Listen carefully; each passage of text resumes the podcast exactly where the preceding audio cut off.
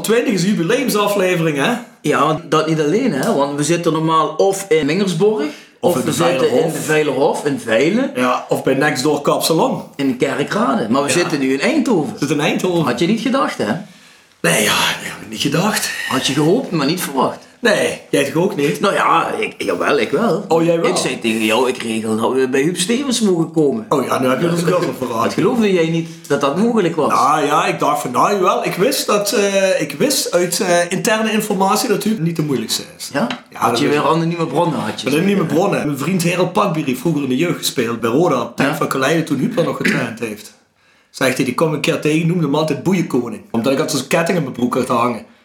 Huub knikt ja. Ja. Kan je hem nog herinneren, Huub? Klopt inderdaad, ja. Ja, kan je hem nog herinneren? Ja, tuurlijk. Ja, dan kent die Herald niet voor zijn voetbalkwaliteit in ieder geval. Nou, die heeft een tijdje gespeeld en als Herald is eh, naar LSC gegaan, hè, geloof ik. Heeft hij furoren gemaakt. Heeft hij verhoren gemaakt, ja. Tekent wel voor Huub dat hij je Herald nog kent, hè, want dat is toch heel lang geleden. Ja, maar Huub was... Maar de, eh, het verstand eh, is er nog steeds. Hoor. Nou, kijk. Ja, ja, ja, maar... En eh, gelukkig, gelukkig nog geen Alzheimer, dus...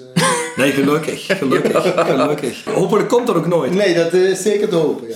We zitten al een half uur bij Huub en een van een half uur anekdotes verteld. Dus we hebben maar snel Ja, maar de opnameapparatuur aangezet. Ja, maar anders missen we ja, ja, ja, Nou, eh, Bjorn, eh, laten we heel even door de sponsors lopen. Ja, we moeten de sponsors eh nalopen, want die betalen heel veel geld hiervoor. Even kijken. Nextdoor Kapsalon, Nagel en Beauty Salon, Rob. De Locht, Kerkrade. Dan hebben we Jegers Advocaten. Ja, hart voor weinig, nooit chagrijnig. Hotel, restaurant Veilerhof in het mooie Veilen. Ja, van Ingo Bullis, hè, lid van het platform Rode JC. Kom nog wel eens, Huub. Nee, ik kom daar zelden, maar ik ken het Je wel. bent er wel eens geweest? Ja. Ja, dat is een mooie locatie. Ja. Ja. Dan hebben we Hotel, restaurant De Bernardeshoeve van onze andere maat. Marco van Hoogdal, Ja. ja, ja, die kent u natuurlijk wel eh, heel Tuurlijk. goed. Komen we dadelijk vanzelf wel op, denk ik. Ook schitterende locatie trouwens. Ja. Dan hebben we GSR Music, www.gsrmusic.com voor het harde muzieksegment. Hè. En dan sprak ik Theo laatst en dan zei ik, nou we gaan proberen Huub Stevens in de podcast te krijgen. En eh, Theo sponsort de podcast, draagt gewoon aan warm hart toe. Maar eigenlijk de club van zijn hart, en ik denk dat dat bij Huub ook zo is, is eigenlijk PSV. Dan zegt hij van, ja maar als Huub Stevens een keer komt, niet Huub? Nee, is toch niet waar? Nee? Nee, dat is toch niet waar. Eh, natuurlijk eh, eh, is PSV een groot deel van mijn leven Ja. geweest en nog altijd. Maar nee, dat is toch niet zo dat ik bij wijze van spreken PSV een warmer hart toedraag dan eh, andere clubs. Dat, dat is Ah, oké. Nee, nee. Oh. Ja, kijk, dat Ja, kijk. eh, Ja, ja, is al de kijk, eerste kijk, ik, heb er, ik heb er elf jaar gespeeld. Ja, ja, En precies. ik heb zeven jaar in de jeugdopleiding gezeten. Mhm. Ik ben toen ook nog eh, gedeeltelijk, nadat Robson ziek werd, eh, eerste elftal eh, trainer eh, geweest. Eh, nadien ben ik nog teruggekomen, en dat had ik nooit moeten doen, eh, naar HSV. Dat ik bij wijze van spreken bij PSV aan de slag ben gegaan. Mhm. Eh, en daar heb ik eh, nog altijd spijt van dat ik dat toen gedaan heb. Ja. En toen is er ook eh, ja, toch wel het een en ander eh, kapot gegaan, moet ik eerlijk zeggen. Ah, oké. Want ja, PSV was toch, ja, als je 18 jaar bij een club gewerkt hebt, dat is toch een groot gedeelte van je leven. Dus eh, dan zou je ook zeggen dat je die een heel warm hart toedraagt. Maar door die eh, ja, slechtere periode dat ik teruggekomen ben, is er toch wel het een en ander verloren gegaan, moet ik zeggen. En daarom zeg ik, ja, welke club in Nederland, naast, heb nog altijd hele mooie herinneringen aan Roda. Eh, En dan zeg ik ook, eh, in die periode dat wij actief waren bij Roda, waren we ook ontzettend succesvol. En daarom denk je daar ook aan terug. Ja? En bij PSV is het dan veel meer de speler Huub Stevens dan de trainer. Ah, wel, de opleiding, ja, die wat we toen de tijd opgestart hebben. eh, en die wat nu toch ook weer jongere spelers doorbrengt naar het eerste elftal. Ja, dat is wel een, gede- een gedeelte. Want eh, eh, toevallig ga ik vanmiddag nog even naar eh Ernest Faber en eh, Luc van Nistelrooy. Die trainen, of althans, Ernest is coördinator en eh Ruud traint de de onder 19. Dan ga ik naar die training kijken en eh, dat, vind ik, dat vind ik wel leuk. Nou ja, ah, mooi man. Daar komen we zo meteen nog heel even op terug, eh Huub. We hebben Rapi Autodemontage. Die heeft net zijn contract verlengd, toch? Dat is een contract, ja. Ja. als sponsor. Ja, ja, nee, dat heeft hij Ja, net verlengd. Ja, ja, goed. Ja, Pascal ondersteunt altijd goed. Schitterend. Heeft hij meteen voor een seizoen gedaan of Nee, niet voor het seizoen. niet? Nee, Valt me dan voor tegen. ja, maar kijk een beetje kat uit de boom. Ja, man. ja. Een beetje kat wel. uit de boom. Ja, Ja, Een beetje kat uit de boom, kijk. Dan hebben we internetgroep Limburg, iPhone reparatie Limburg, Wouderpad 7 Beek. En die hebben laatst contact met me opgenomen. Over die Samsung. Nee, niet over de Samsung. En? Veel beter over websites. Dus eh Oké. daar ben ik ook mee in gesprek. Stokgrondverzet. Ja, van Leo Stok. Ja, laatst schreef er iemand onder die laat me altijd denken aan Carrie King van Slayer. Ja, ja.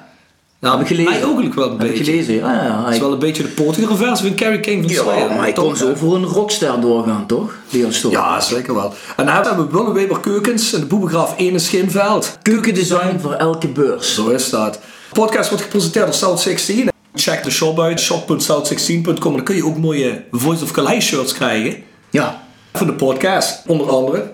Voor de winter hebben we een hele hoop nieuwe truien hebben design. Die kun je bestellen. En als je vragen of opmerkingen hebt, dan schrijf je dat naar thevoiceofcalais.south16.com. Ja, dat is voor vandaag ook weer door een hele hoop mensen eh, Gedaan. gedaan. Ja, heb ik ook gezien. Een hele mooie vond ik, want we hebben luisteraars en die sturen dan vragen in. Wij gooien eerst online, we gaan bij Huub Stevens langs en dan mag iedereen vragen sturen. En dan kreeg ben ik benieuwd. Ja, de eerste vraag kreeg ik van Raymond van den Berg. Hè, omdat we het net hebben gehad over eh, onze sponsor, de Kapsalon Next Door. Raymond van den Berg zegt, jongens, vraag eens aan Huub welke gel die gebruikt. Want ik wil ook zelfs zo'n Al Pacino look hebben. Ja, nee, ja, ik moest er nog eh, goed bij elkaar houden, want er zit niet meer zoveel. Dus eh, nee, ik gebruik een gewone normale gel. Dus, eh. Ja, Raymond, dus je hoort het. Vroeger had u toch wel een mooi slik kapsel altijd. Ah, ja, ja, ja, ja, ja. Er zijn er heel veel verloren gegaan in die loop der jaren. Ah, ze zijn er nog altijd. Was er vroeger wel eens jaloers op zo'n teruggeslikte Ja, dat was, ja dat, eh, maar dat past ook echt goed bij Huub, hè. Ja, dat past helemaal precies bij de outlook. Vind ik ook, heb je gelijk Hey Huub, 397 wedstrijden in de betaalde voetbal. Ja. 18 interlands.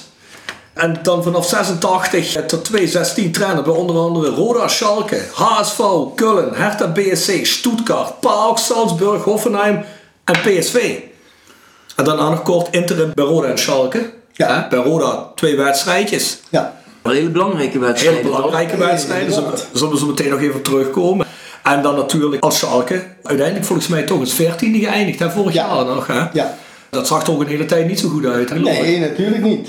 Eh, En dan komt het toch weer bij jou terecht. Ja, goed, maar dat, dat was wel begrijpelijk, omdat ik ook in de Raad van Commissarissen zit. eh, kreeg ik ook wel mee dat eh, het niet meer zo goed liep. En dat kon je ook zien in de wedstrijden. Dus toen op een gegeven moment de nieuwe manager zitting had in. Eh, want die zit dan ook dan bij wijze van bij de Raad van Commissarissen, eh, bij de vergaderingen. Eh, toen werd eigenlijk wel duidelijk dat de ploeg ja, op een dood spoor was. En ja goed, en toen kwamen ze gelijk met de vraag bij mij, want ik zat, dat was, ik geloof dat dat, dat was dinsdags geloof ik. En wij zouden donderdags, zouden wij naar Mallorca gaan. Want mijn vrouw die was al met koffers eh, aan het pakken. En toen vroegen ze mij bij die vergadering, ja, eh, wil jij het niet overnemen? Ja, ik zeg, "Pff, dat wil, ik, eigenlijk- dat wil ik eigenlijk niet doen, want ik heb gezegd dat ik het niet meer doe. Maar ja, goed, als dan een club eh, je dusdanig eh, daarin vraagt en met die problemen is- zijn, ja, en je bent in de raad van commissarissen, dan is het toch moeilijk om nee te zeggen. Dat heb ik dus ook niet gedaan. Eh, de eerste die ik toen gebeld heb is mijn vrouw. En toen heb ik gezegd, ja, pak mijn koffer maar niet in. Jij kunt, jij kunt gaan, maar ik eh, moet... eh, want wij speelden vrijdagavond de eerste wedstrijd tegen Leipzig. En ik zeg, ja... Wat zei ze toen, Huub? Dat zal niet gaan. nee, toen zegt ze, nou dat ga ik ook niet. Ja, dus eh, heel simpel. En nou, we hebben toen ook die vluchten geannuleerd. En eh, we zijn niet gegaan. Ik ben eh, in Gelsenkirchen gebleven en ik ben direct eigenlijk aan de slag gegaan. Tegen de trainingspak aan. Ja, trainingspak weer aan. En eh, dat zat eh, toch behoorlijk goed, moet ik zeggen. Ondanks wat meer kilo's. Maar dat trainingspak, dat, dat was wel in orde. Maar nee, dan is het toch even moeilijk hoor. Om zo'n groep weer te moeten coachen en te helpen om die stappen te gaan maken. Ehm, ja, dat eh, is toch een klein beetje dan door de ervaring op mijn lijf geschreven. Om, eh, om die club dan te helpen. Ja, dat heb ik ook bij Rode gedaan. Eh, Ik denk ook niet dat ik het voor andere clubs had gedaan. Ook in de tijd niet. Als andere clubs waren gekomen, dan had ik het misschien niet gedaan. Maar voor Roda doe je dat wel. Ja? Voor Schalke heb ik dat ook gedaan. Ehm, maar ik denk dat het nu nog een keer is dat ik nee zeg. Ben je nu helemaal klaar, Ruud, denk je? Ja, dat doe nee. Ah, zet nog een opening. Nee, Ja, maar zeg- ja, dat is, nee, zeg dat is- nooit nooit, Nee, dat- nee, maar dat is ook zo. Zeg nooit nooit. Kijk, je, je ziet het nu weer met, eh, met Dick. Ja, met Dick Ja. Advocaat, bij wijze van spreken. En, en dan heb ik die leeftijd niet van Dick, maar nee, ik heb gezegd, eh, het hoeft niet meer.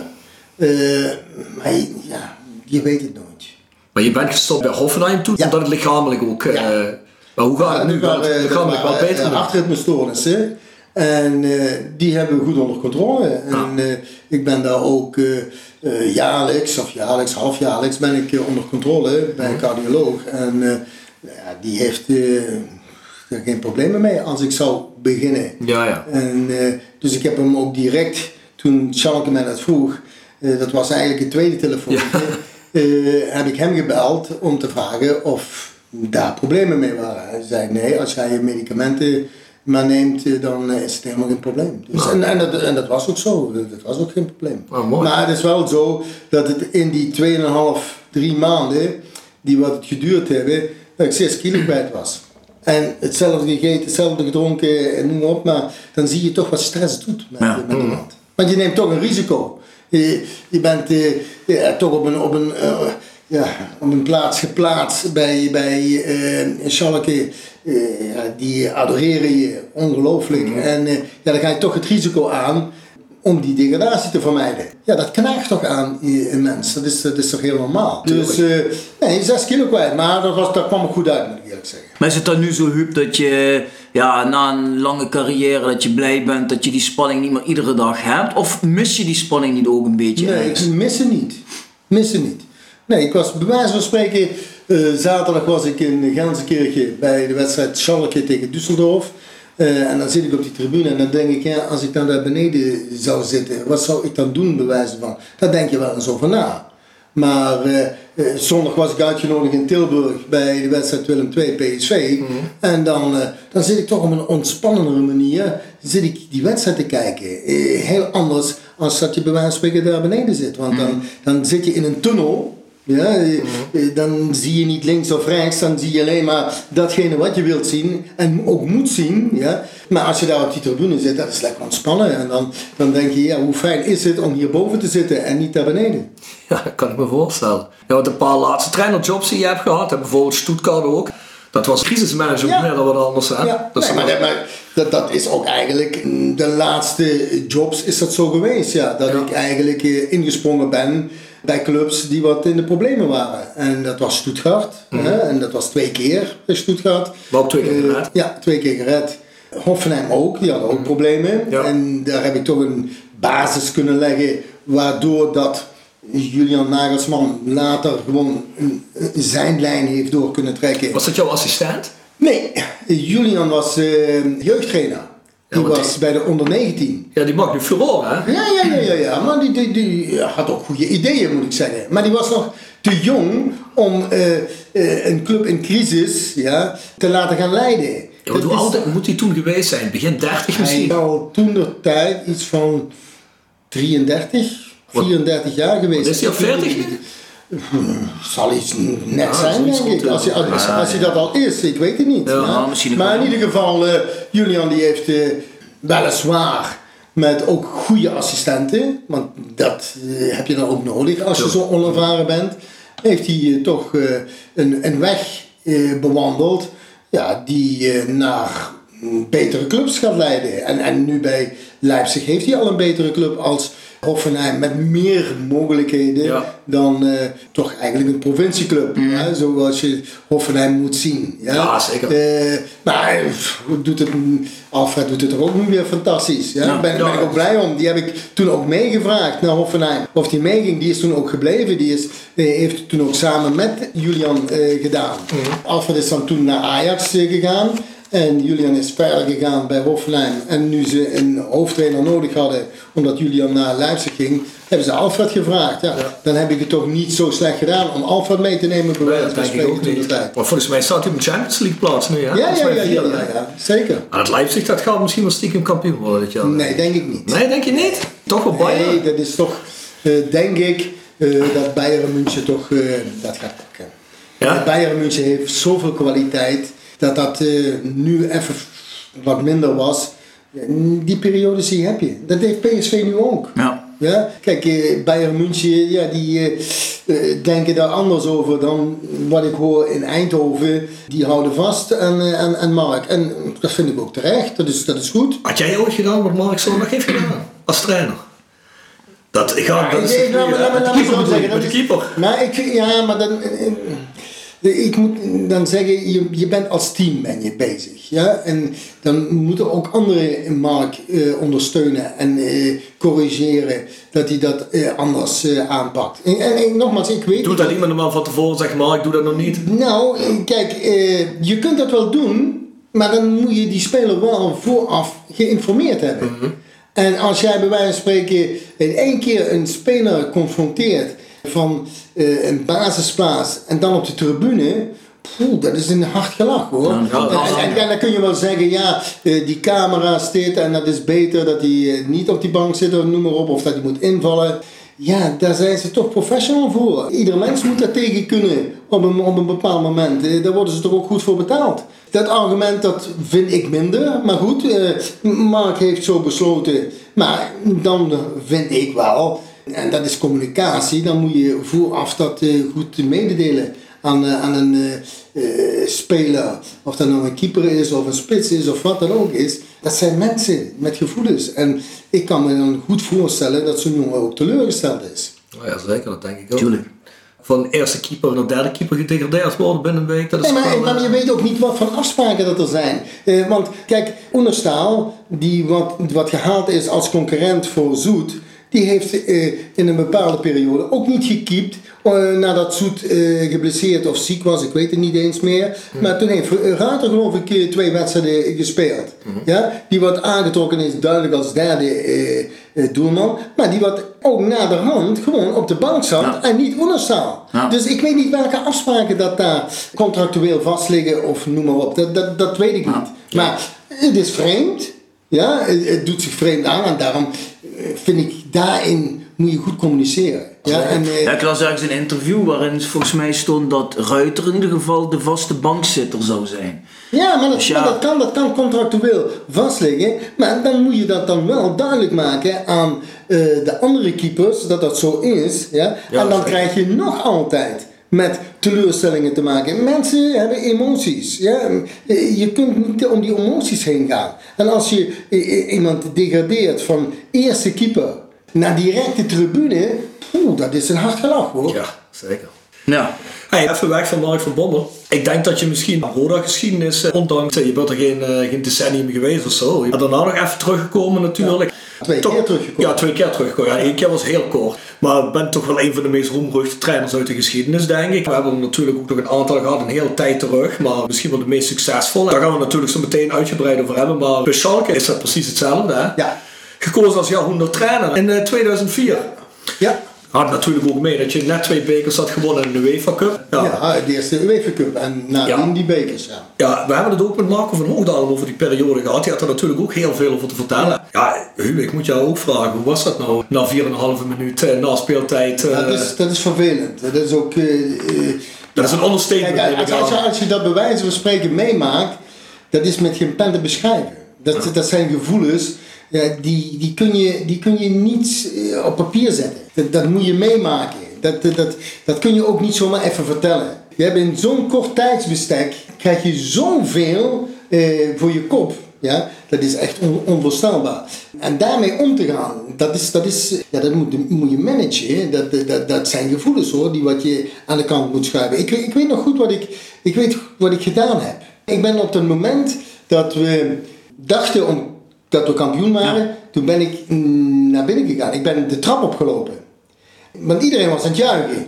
En ik kom boven, want die trap die liep omhoog, ja, eh, eh, die roltrap, voor de wedstrijd loopt hij naar beneden en na de wedstrijd loopt hij omhoog. Dus ik ben daar snel omhoog gelopen en ik kom boven en er zit uh, Mulder en nog enkele spelers, geblesseerde spelers, die zaten in de ruimte, in het bureau van mij, naar de tv te kijken.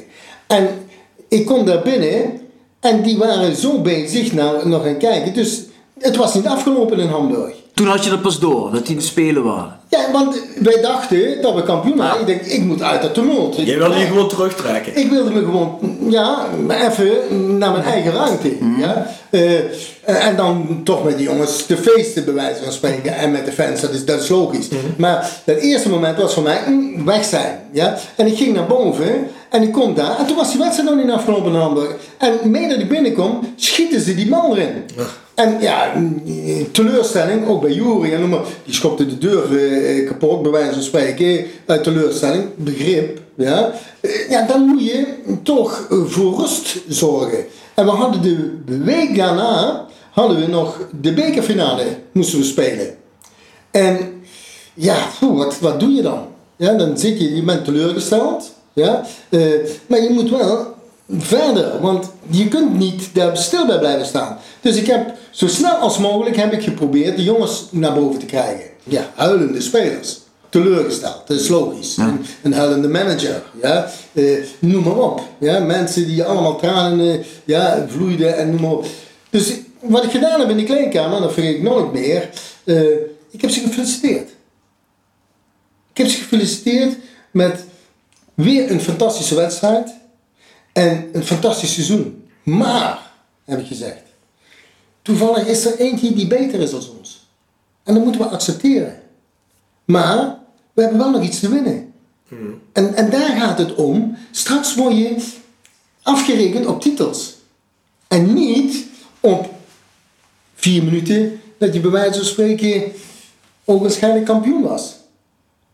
Ik heb die jongens gezegd, we gaan nu naar huis. We nemen twee, drie dagen vrij. Ja, en we gaan ons richten op die bekerfinale. Zorg dat als je terugkomt, dat je dit vergeten bent. Want we zullen verder moeten. Nou, lijkt me wel heel moeilijk dat je meteen maar, die daar moet ja. Maar, maar dat, dat moet je als verantwoordelijke man doen. Ja? En ik weet ook niet of die woorden aangekomen zijn. Ik, ik kan het me niet voorstellen. Want ik, ik kan het je zeggen, na die twee, drie dagen dat we ze vrijgegeven hadden. We zijn dinsdags zijn we weer begonnen, ja. ja. We hadden zondags en maandags hebben we vrijgenomen. En eh, ik ben zelfs niet naar huis toe gegaan die zaterdag. Ik ben in Genskirchen gebleven. Ik heb daar eh, in mijn eentje geslapen. Mijn vrouw was er, ja, met de kinderen. Maar ik ben niet naar huis gegaan. Ik, ik wilde het op mijn manier verwerken. Ja? En ik moest me weer opladen voor die bekerfinale. En we beginnen dinsdags met training. En is een ramp. Het was een ramp. Er liep helemaal niks. Voor geen meter. Want ze waren nog steeds Ja, met hun gedachten Ja. ja. bij dat verloren kampioenschap. En dan moet je ze ja, toch na die vrijdag dat we vertrokken naar Berlijn, moet je ze toch proberen daarheen te krijgen dat ze een prestatie kunnen eh, leveren. Ja, dan hadden we natuurlijk bepaalde types erbij. Ja, die hebben ons toen ja, geholpen als, als team. Ja, een, een Jurk Beume, die wat bij wijze van spreken ja, hetzelfde type voetballer als Berry van Galen was. Eh, niet denkend, maar geniaal. Met, met, met, met zijn acties en noem maar op. Ja, die scoorde twee keer in die wedstrijd tegen een tweede Bundesliga club, hè, Union Berlin, waar we tegen speelden. En waar we heel erg veel moeite mee hadden Ja. om die beker te pakken. We hebben hem gepakt hoor. Eh, en dat was ook een feest. Ja, eh, fantastisch en een schitterend seizoen. We hadden ons gekwalificeerd voor de Champions League. Daar heb ik ze toen ook mee gefeliciteerd. De eerste keer in de geschiedenis dat Schalke eh, Champions League kan spelen. Ja, dat, dat, dat was fantastisch. Maar die beker, dat, dat was toch een titel. Ja, tuurlijk. Eh, Dan moet je die knop heel snel omzetten. En dat, ja, dat moet je kunnen. En, en eh, ik was ook teleurgesteld. Ja, het was natuurlijk wel heel zuur als je die beker ook nog verloren had door die Ja, teleurstelling. hè. spreken. Ja, en, en, en het was toch ja, Een prijs, mogelijkheid. Ja. Ja. dat je die prijs ook verloren zou gaan na zo'n teleurstelling. Maar we hebben het toch voor elkaar gekregen. En ja, fantastisch ook eh, hoe we eh, teruggegaan zijn eh, met de trein. Dat we aankwamen in Gelsenkirchen, dat ontvangst. Ja, dat was fantastisch. Dus dat, dat, zijn- dat zijn dan weer de positievere herinneringen, die wat je nu weer naar boven haalt, in een, ja, in een zwart gat waar je terecht was Ja. gekomen. Maakt Schalke natuurlijk ook wel een beetje, misschien wel een van de meest populaire Ja, ja. clubs in Duitsland, maar ook een van de meest tragische. Ja, ja. Bedoel, je hebt dat Meister de Herzen, dat is het begrip in Duitsland. Dat weet iedereen. Als je Nee, zegt Meister de Herzen, dan weet iedereen waar je Maar buiten dat is het ook zo dat er eh, natuurlijk in de roerpot, eh, door de sluiting van de mijnen, ook heel veel teleurstelling is onder de mensen. Ja. Ja. dus die mensen die hebben ja, één hou vast en dat is dan dat voetbalclubje. Ja, Ja, precies. het is geen voetbalclubje, want het is gigantisch. Ah, het is gigantisch groot, ja. Maar eh, daar houden ze zich aan vast. En dat wordt hun dan ook, dat kampioenschap wordt hun dan niet gegund, wordt dan ontnomen. Doordat schijnbaar daar wat langer doorgespeeld werd. Ja, en dan valt zo'n vrije trap, eh, die valt zo voor die voeten en die, eh, ja, die scoort die, die goal. Ehm, ja, en, en, en zij zijn kampioen en wij niet. Tja, heftig hè. Dat, Ja. heb je, dat heb je gedaan met die keeper die terugkwam van HSV. Heb je gezegd, jij kunt, dat je kunt met de jeugd gaan trainen. jij. Nee, maar, maar dat is mooi. Shobi is nog steeds actief bij Ja, dat zei Marco al, ja. Ja, nee, nee, maar hij is eh, jeugdcoördinator. eh, ik geloof van de eh, onderste gedeelte. En, eh, en dat doet hij goed. En, eh, nee, zo We hebben het nou trouwens over de keeper die bij Hamburg in de goal stond. Ja, ja, ja. Die, eh, ja. Ik begreep overigens van Marco dat er in eerste instantie een journalist was die daar op het veld riep. Het is afgelopen daar, jullie zijn kampioen. Ja, inderdaad. Zo was het ook. Is, is er ooit nog wat gehoord van die man? Ja, natuurlijk. Die, die doet nog steeds wedstrijden verslagen. Oh, ik denk, die is misschien in staat. Maar die mag alleen maar Nee, nee, nee, nee. Nee, ik geloof Frits van Turner Taxis is degene geweest toen dat tijd die dat geroepen heeft van eh, eh, het is eh, afgelopen in Hamburg en Schalke is kampioen. Ja, en, en daarop vlogen ook alle Ja. spelers en, en, en begeleiders die vlogen op elkaar. En ik ben toen die trap opgelopen om weg te zijn, want ik wilde daar niet. Ik wilde mm, mijn kop weer vrij krijgen voor mm, dit volgende wat te halen was. En dat, dat zou dan die beker zijn. Ja. Dus maar dan moet je zo snel denken. En dat is, dat is niet makkelijk, maar je moet het wel doen. Ik heb dat toevallig gisteren, dat ik toch nog heel eventjes, even gegoogeld erop nog een keer. En dan zie je al die filmpjes Ja. uit het stadion. Ja. Wat een drama. Nee, maar je moet niet vergeten, Drama. het was ook het afscheid van het, Van het Parkstadion. Van het Parkstadion. klopt. Het was de, eh, de laatste wedstrijd Ja. dat we speelden in een Parkstadion. Want het nieuwe stadion dat stond klaar. Ja, waar we het seizoen nadien ook eh, eh, hebben gespeeld. Maar, dus er werd ook nog, welkom, er werd ook nog vuurwerk afgestoken. En, en, en daar stonden wij, want we moesten toch nog afscheid gaan nemen van het stadion. Dus we hebben op een gegeven moment, toen ik ze toegesproken heb, ik zeg, nou gaan we naar buiten. En dan gaan we toch afscheid nemen van en de fans en van het stadion. Ja, want, eh, Volgens mij werd dat vuurwerk wel afgestoken. Ja. Net na het fluitsignaal. Want door de fans dachten, oh we zijn zeker kampioen. Ja, ja, ja, ja, ja, ja, ja. Zo, zo waren Dat de geïnterpreteerd? Maar dat, maar dat had gewoon met het afscheid van het parkstadion te maken. Ja, maar aan het einde van het filmpje zie je ook al die mensen die een stuk gras zien eruit Ja, ja, ja, ja, ja, ja. Inderdaad. Dus eh, ja, was wel een, eh, was wel een dramatisch emotioneel dramatisch. Ja, Ja. kunnen we wel zeggen. Bij Huub, nou hebben wij het met Marco ook gehad over Rudy Assauer. Ja. Hoe was, eh, hoe was jouw band met hem? Nou ja, een, echte vriendenband.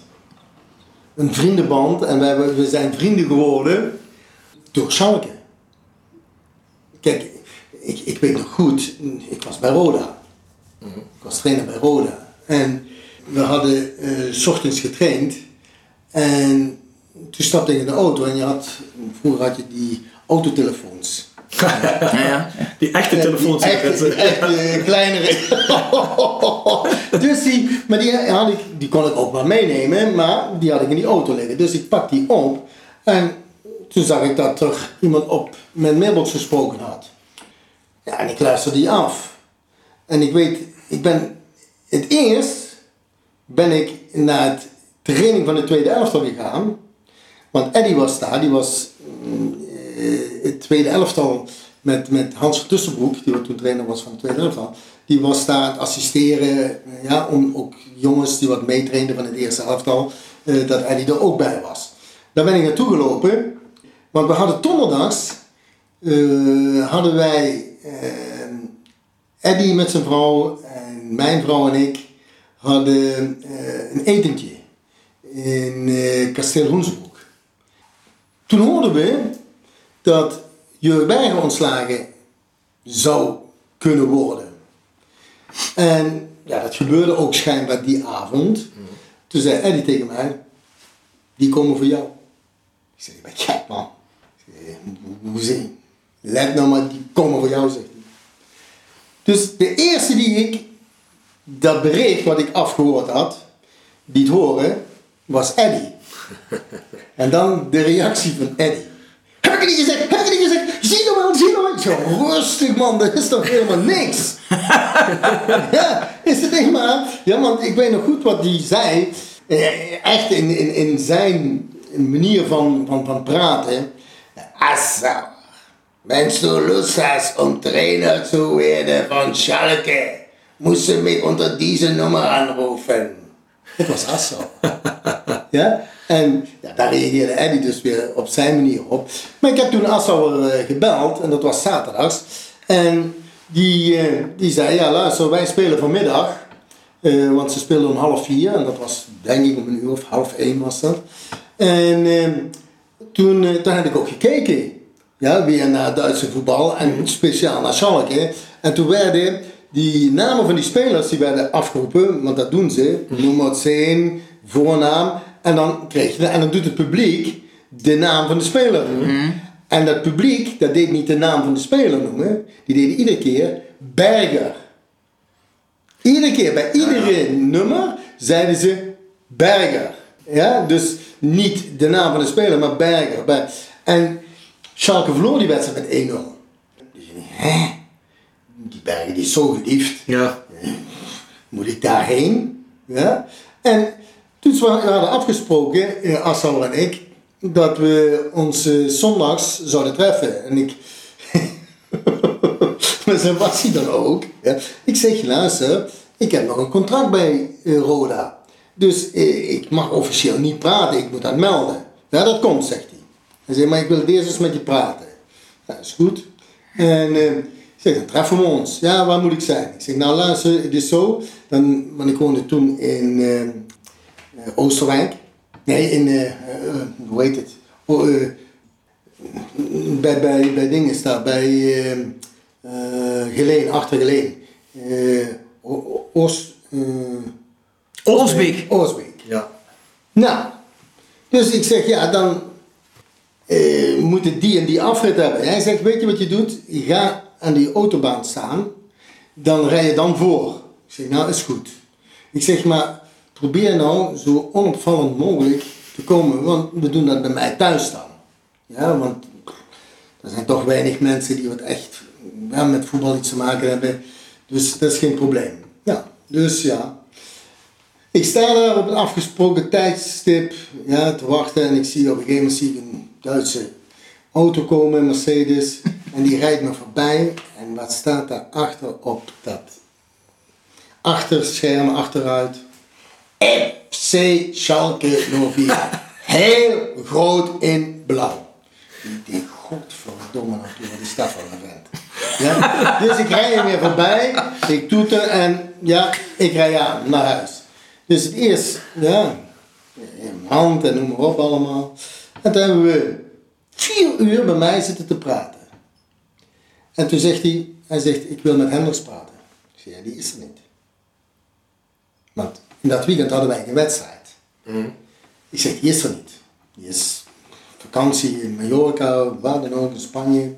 En eh, hij zegt, maar ik wil met iemand spreken. Ik zeg, ja. Dan eh, bel ik Theo. Ja, oké. Nou, dan de voorzitter. Want we willen praten. Dus ik bel Theo. Maar hij zegt, ik kan niet eh, praten nu en noem maar op allemaal, want eh Arnold is er niet. Ik zeg, ja Theo, hij wil per se... Nou, zei- ik heb hem op een gegeven moment, Theo, eh, Assauer de telefoon gegeven. Ik zeg, ja, ja. Toen zijn we naar Theo Piqué, naar het bureau nog gegaan. Hebben gesproken met Theo, maar Theo zegt, dat doen we niet. Ja, die willen me niet laten gaan. En toen hebben we Arnold gebeld. Arnold zei. Die- Ik wil verlengen met de trainer. Ik eh, wil niet dat hij eh, weggaat. En ik zei tegen hem, ja, dit is toch wel een uitdaging voor mij. Ja, een club die wat nog Europees speelt. Ja, wij tuurlijk. waren uitgeschakeld door hun. Dat publiek daar, eh, stadion, fantastisch hè, om daarvoor te werken. Ja, logisch. En eh, ja, ze gaan dan verlengen we je contract en noem maar op allemaal. Ik zeg, ja Arnold, maar poeh, ik zou het toch wel graag willen. Nou, dus Arnold die is ook daarna teruggekomen. Ik geloof, dat was dat hij maandags teruggekomen is. Maandags ochtends is hij teruggekomen. En we hebben op een gegeven moment, toen zei Assauer, toen ik Assauer, eh, met Assauer afscheid nam, hij zegt, maak je geen zorgen, dat eh, krijg ik voor elkaar. Ik zei, ja, pff, ik dacht, eh, dat, dat krijgt hij echt niet voor elkaar, want als Arnold iets niet wilde, dan deed hij dat niet. We hadden het niet door. Maar goed, Arnold was ook een eh, handelsman. Ja, puur zon. Dat is toch ook duidelijk. Nou ja, Arnold eh, heeft toen ook een behoorlijk transferbedrag ontvangen. Want eh, dat was uh, maandagavond geloof ik al. Dat die bij elkaar zaten bij Theo op het kantoor. Ja, toen werd ik op een gegeven moment, want ik was bij het tweede elftal. eh, die speelde 's. En toen moest ik op een gegeven moment vandaar moest ik naar het kantoor van Theo komen. En eh, we zijn toen, toen ben ik naar het eh, kantoor, want er was een delegatie van Schalke was daar. Wat ik niet wist. Nou, ik ben daar naartoe gegaan.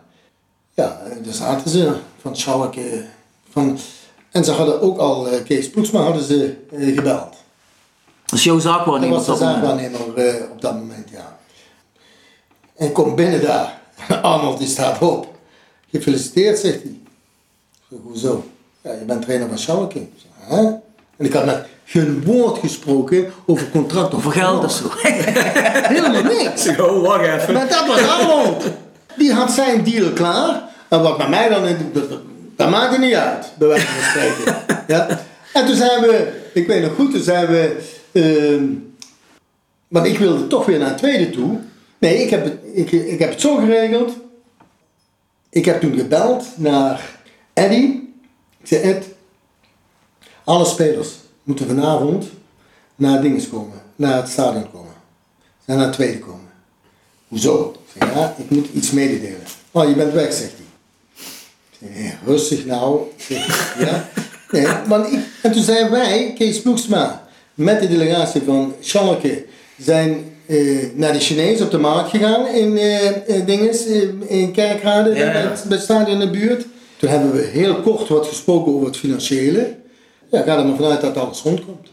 Ik zeg, ja, dan ga ik nu de groep mededelen dat ik geen trainer meer ben van, eh, van Roda.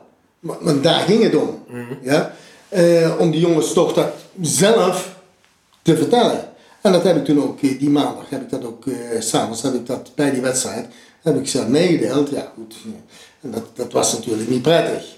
Ja, want eh, ja, je had, je had met bepaalde jongens, zoals eh, Ger, eh, Zende, eh, Mark Luipers en noem maar had je zoveel jaar al gewerkt. En ja, je had toch een band opgebouwd. Dus eh, dat, dat was ook niet makkelijk. Omdat ik ook als zelf altijd gezegd heb tegen jongens, luister eens, je moet hier niet zomaar weggaan, want dan moet je echt beter kunnen.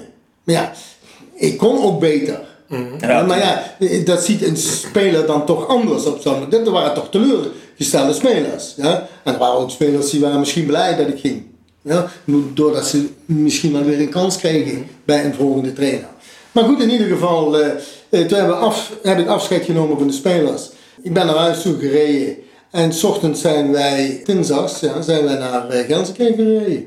Eh, Kees Ploegsma en ik. En heeft Kees toen, eh, ja, eigenlijk ja, het contract goedgekeurd en, en noem maar op. Want ja, goed, we hadden wel wat gesproken, maar er was nog niks getekend. Dat heb ik dus dinsdags gedaan. En dinsdagsmiddags eh, heb ik eh, ook de training eh, geleid. Dus Hoe snel het allemaal gaat. dat, dat is echt ongelooflijk. Dat is echt ongelooflijk. Zo snel. Heb je Eddie Achterberg toen niet meegenomen? Nee, omdat ik vond dat A. Eddie kerkrader moest blijven, omdat die de groep kon en eh, de overgang naar een nieuwe trainer toch makkelijker was voor de nieuwe trainer, voor Roda, omdat Eddie er was. En Eddie had ook niet zoveel weet van het Duitse voetbal. En natuurlijk keken wij naar de sportshow. Daar keek je dan wel naar. Maar je had niet de kennis van de assistenttrainer van Berger over de groep. Die had veel meer kennis. Ja? Ja. Dus ik heb toen gezegd, ja, hoe is die assistenttrainer? En eh, ja, die is oké, zei eh eh, Assauer, is ook jong. En eh, die werkt heel erg positief. Ik zei, nou, dan wil ik dat die graag erbij blijft. Want dan heb ik toch een houvast als ik vragen heb over spelers en noem maar op allemaal.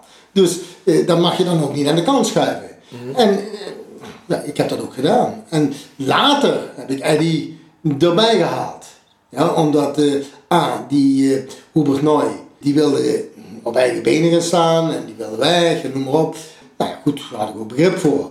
En, uh, en Assauer toen zei tegen mij, weet jij iemand? Ik zei, ja, dan ga jij maar eens praten met die en die. En toen heeft Assauer met Eddie alleen maar telefonisch gesproken hoor. Dan hebben we weer een mooi bruggetje te pakken, Huub. ik, eh, ik ben eruit, zei Assauer. Hij zegt, dat is, is. Was dat al geregeld? Was er al geregeld, ja. Huub, we hebben ook een eh, Italiaanse luisteraar, Giacomo Verigi uit Palermo. Ja. Die is Roda supporter. En die wil graag weten, eh Huub, hoe is uw band nu met Eddie Achterberg? Heel goed. We hebben op een gegeven moment hebben wij een periode gehad dat we niet met elkaar gesproken hebben. Eh, dat was na de periode, geloof ik, bij Salzburg, Red Bull Salzburg. Daar gebeurde iets, ja, dat nam Ed mij kwalijk en ik nam het Ed kwalijk, bij wijze van spreken. Maar dat is nu weer allemaal uitgepraat en eh, het gaat, eh, gaat goed. Eh, we- zijn laatst zijn we nog voor een interview zijn we op uh, geweest, bij wijze van spreken samen. Ja, we treffen elkaar ook weer bij wedstrijden of noem maar op. En Eddie die doet voor Twente doet hij wat commerciële zaken en doet af en toe mij ook wel eens uitnodigen als hij eh, iemand nodig heeft, bij wijze van spreken, als PSV er speelt of een andere club te spelen waar ik een klein beetje binding mee heb gehad. Dan eh, dat ik daar dan bij wijze van spreken een praatje kom houden. En Dat is ook helemaal geen punt. En we gaan af en toe wel eens, eh, dat, dat koppelen we dan aan zo'n wedstrijd bij wijze van spreken. Gaan we s ochtends wat golven en dan s smiddags eh, of s'avonds kijken we naar de wedstrijd. Ja, mooi. Ja, mooi man. Ja. ja, dan komen we eigenlijk terecht bij periode Roda, Bjorn. Ja, we moeten langzaam over Roda gaan Ja, hebben. duidelijk. over Roda Ja, Deze podcast over toch? Ja, dacht ik toch. Ja, dat dacht ik ook. Ja, luister, Huub, er zijn zoveel dingen. Ik zeg dat tegen hem. Ik zeg, ja, Huub Stevens, Bjorn, er is zoveel over te vertellen. Ik ben, normaal hebben we altijd een themalijst. We hebben nu een themalijstje. Ja. We merken bijvoorbeeld bij jongens bij René Tros, we hebben twee vragen gesteld en eh, daarna kwam het eruit. Dus, dat- dus dat hoefde, dus dat, dat hoefden we eigenlijk helemaal niet van. Dat is nu hetzelfde. Dus eh Ja. Huub gewoon praten. Nee, Maar, maar weet je wat het mooie is? We doen gewoon eh, de helft van de vragen en dan moeten we dan later nog een keer terugkomen. dat is gewoon het Ik mooiste. heb er geen problemen mee. Ja, ja. Ja. Eh, hoe kwam je Roda terecht? Was dat Nol die, die, die Nou ja, of wat talent? Of, laat, me- laat me zo zeggen. Ik heb dus, eh, de, in de eerste gesprekken wat ik had, was eigenlijk, toen was Adrie, die was trainer bij, eh, bij Roda. Adrie Costa. En Kees Ploegsma die zei tegen mij, omdat ik bij PSV, eh, ik had de periode van Robson net achter de rug en Hans Westerhof die was gekomen. En ik had geen binding meer met het eerste elftal. En ik had in die periode dat Robson ziek was, had ik met eh, het eerste elftal gewerkt. Ja, en we zijn toen ook kampioen- geworden. En Westerhof heeft mij eigenlijk ja, niet meer erbij betrokken zoals ja, ik eigenlijk als assistent graag erbij betrokken had geworden. En dat, dat was dus niet. En eh, nou ja, daar was ik zodanig teleurgesteld over dat ik tegen Kees zei, als er een club komt, dan eh, ga ik ook kijken of ik de stap ga maken. Ja, en op een gegeven moment zei Kees tegen mij, nou luister, eh, Roda die wil met je praten. Ik zei, nou ja goed, dan ga ik, praten. Dus toen heb ik met Hans Kurver en eh, Arnold heb ik het eerste gesprek gevoerd bij de Wildeberg. Op de, Weert. langs de autoweg, bij Weert. En toen heb ik, het eerste heb ik gevraagd aan hun, is Adrie Koster op de hoogte hiervan? En toen zei Hans en Nol, nee. Ik zei, nou, dat vind ik niet dat wij moeten praten. Ik zeg, want dat vind ik niet correct ten opzichte van Adrie.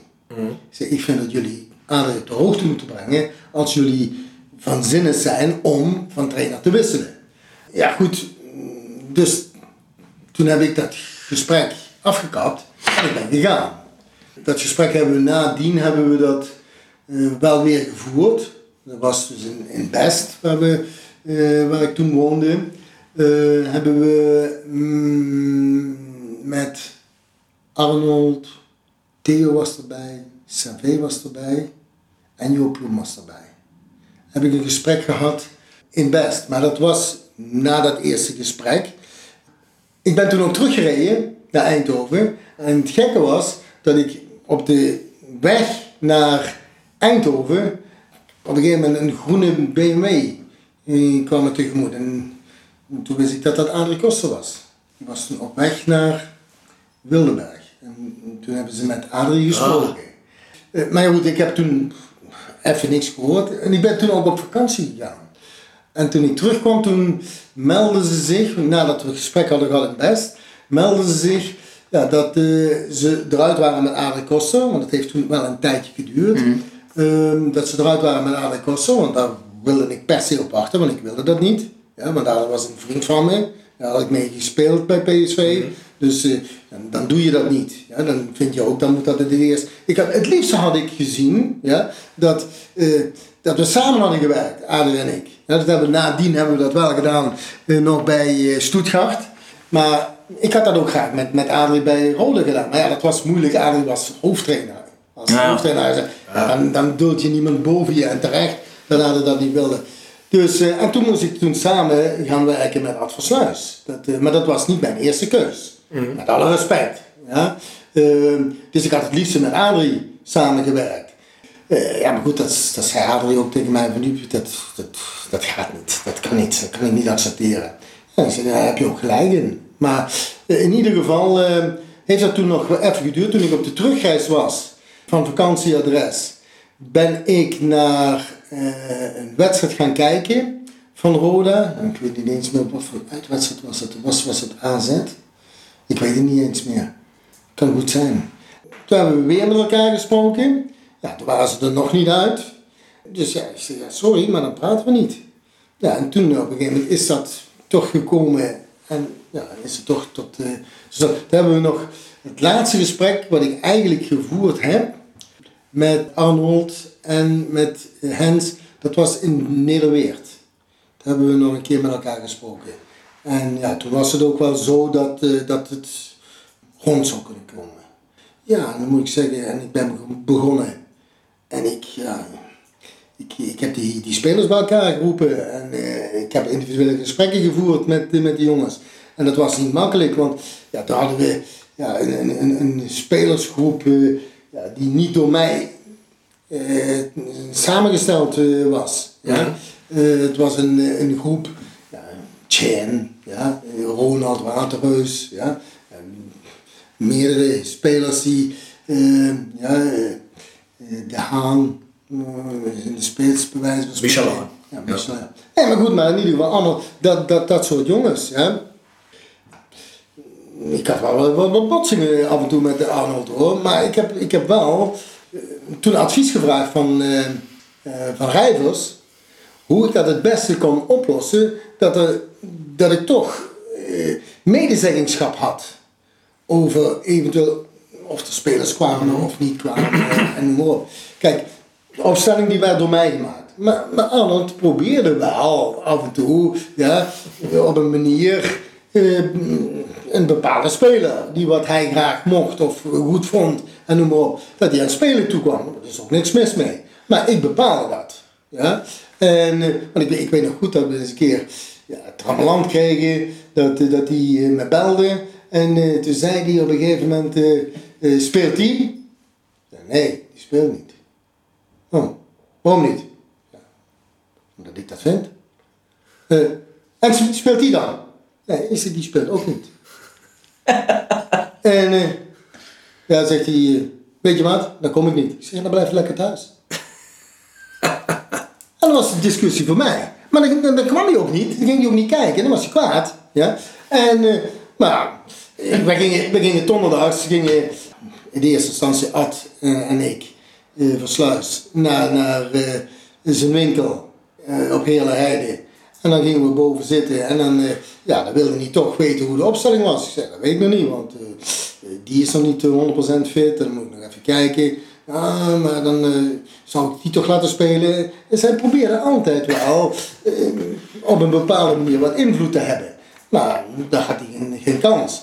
Maar we hadden ook de afspraak, en dat had ik schriftelijk laten vastleggen. omdat Rijders mij dat gezegd had, nou, zo ook bij transfers moet je het zodanig stellen als Arnold er eentje wil en jij bent het er niet mee eens, dan komt hij er niet. Maar wil jij er eentje en Arnold wil hem niet, dan komt hij er ook niet. Dus we moesten samen, moesten wij het eens zijn eh, als er een speler gecontracteerd zou worden. Nou ja, goed, en eh, daar hebben we ook wel eens af en toe meningsverschillen over gehad. Ja, dat hij met een speler kwam waar ik van zei van, "Pah, die past niet. Ja? Of dat ik zei tegen Arnold van, "Eh, zouden we daar niet aan denken? Nee, dat moeten we niet doen. Dat is niet te betalen, bij wijze van spreken. Allemaal dat soort zaken. Maar dat waren de discussies die wat je had. Maar dat waren ook gezellige discussies, moet ik eerlijk zeggen. Maar het ging toch altijd om Roda. En, en, en dat had hij ook voor ogen. Ja? Arnold wilde ook maar één ding en dat was succesvol zijn. Maar dat was een strijd wat je leverde. Buiten dat je een strijd had met, met, met je spelers, bij wijze van spreken. Want ik was toch een onervaren jonge trainer. En, en dan krijg je allemaal eens met gasten te maken. Zoals een Jan en, en, en, en noem maar op. Ja? Die wat nogmaals, dat was de enige waar ik helemaal geen problemen mee gehad heb. Met Jan.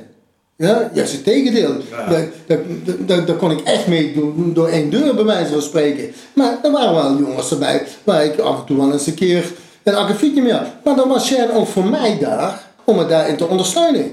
Ja, en dan ging Jan hem toe en die pakte hem bij wijze van spreken, als ik het al zelf niet deed. Maar, nee, maar, maar, maar zo werd dat ook geregeld. Nadien, toen, toen we op een gegeven moment die situatie kregen, assistentschap, ja, want ik was niet tevreden over Ad. Ad zou, eh, en dat was ook de afspraak, die zou ook bij de trainingen van de tweede elftal aanwezig zijn om eh, Hans van Tussenbroek te ondersteunen. En ja, eh, die spelers van het eerste elftal, die wat meetrainden bij het tweede, ja, om die ook te ondersteunen. Zeker voor een bepaalde wedstrijd. Die was ze speelden dan bij het tweede elftal. Nou, en dan, dan, dan was Ad er niet bij wijze van spreken. Ja, dan, dan eh, werd ik link. Ja, en dan kwam Hans weer naar me toe en zei Hans tegen mij, ja luister eens, want Ad, eh, ja, dat, dat kan niet. En dan pakte ik hem aan. Dus eh, we zijn toen op een gegeven moment, zijn we in de voorbereiding, hadden we een fantastische eh, trip naar China. Daar zou Fortuna, eh, nee, in ieder geval vier clubs die deden mee daar. En er was Fortuna ook bij. Roda, ik weet niet eens welke clubs dat er waren. Maar goed, in ieder geval, die waren er. Dus we gingen naar China. Toen heb je dat moment toch gekregen dat we op een gegeven moment dat ze dachten hier dat we eh gekidnapt waren. Wat? Ja, ja. Dat ook niks. Ja, echt. Vertel eens, Huub. 100%. Nee, maar luister eens. We, we zaten in het hotel en op een gegeven moment eh, eh, zei Theo, we mogen het hotel niet uit. Want die, eh, wat dat toernooi geregeld hadden, dat waren Amerikanen, broeders waren dat. En die hadden dat toernooi georganiseerd. En het was een ramp, ik zeg het je. We, on, wat ontbijten deden we bij McDonald's. En dan zaten eh, die jongens aan de friet, bij wijze van spreken. Eh, ontbijt. Ja, zo slecht geregeld alles. Dat was echt een ramp. Ja? Om eh, een voorbereiding. Ja? En toen op een gegeven moment toen, kregen we door dat het hotel niet uit mochten. Want we hadden wedstrijden moeten spelen en dat kon niet, ja, want dat was zo slecht georganiseerd. Je kon dat qua de reistijd weer niet voor elkaar krijgen. Ik weet het ook nog, of de tegenstander die speelde niet en, en noem maar op allemaal. Dus eh, ik weet nog goed dat we niet konden trainen. En dat we in het hotel getraind hebben, trappen lopen en noem maar op allemaal. Nee, luister, het gekste van het gekste. Ja, eh, temperatuur van, van, van meer dan 45 graden, waar, waar je niet in kon trainen. Allemaal dat soort zaken. Jongens die wat eh, eh, diarree kregen en noem maar op, van het slechte eten. En, en toen kregen we op een gegeven moment door dat we het hotel niet uit mochten. Ja, wat is dit dan nou? Dus we hebben toen een gesprek gevoerd met een van die eh, broeders, ja, en die zat op het bed. Ja? Eh, nee, dat was niet een van de broeders, dat was een, eh, een Chinees, die had dat mee met die broers dan, maar die, die, die hebben we nooit gezien.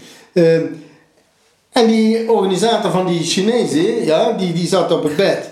Ja, en, en wij gingen daar ja, vragen hoe nu de situatie was. Ja, en die sprak zo slecht Engels. En dan zat er een, een vrouw ook bij het bed die wat dat vertaalde dan weer naar het Chinees en noem maar op. En toen bleek dat we het totaal niet, zei hij. Nee, zei hij. En jullie mogen het totaal niet uit. Nou, toen zijn we s ochtends, zijn we wel het hotel uitgegaan, we zijn naar het vliegveld gegaan. Eh, we hebben eh, gelijk de, de vlucht ge- geboekt van tevoren en zijn toen eh, weggegaan. Echt ongelooflijk. Maar, maar niet met een bus, ja, maar met een bus.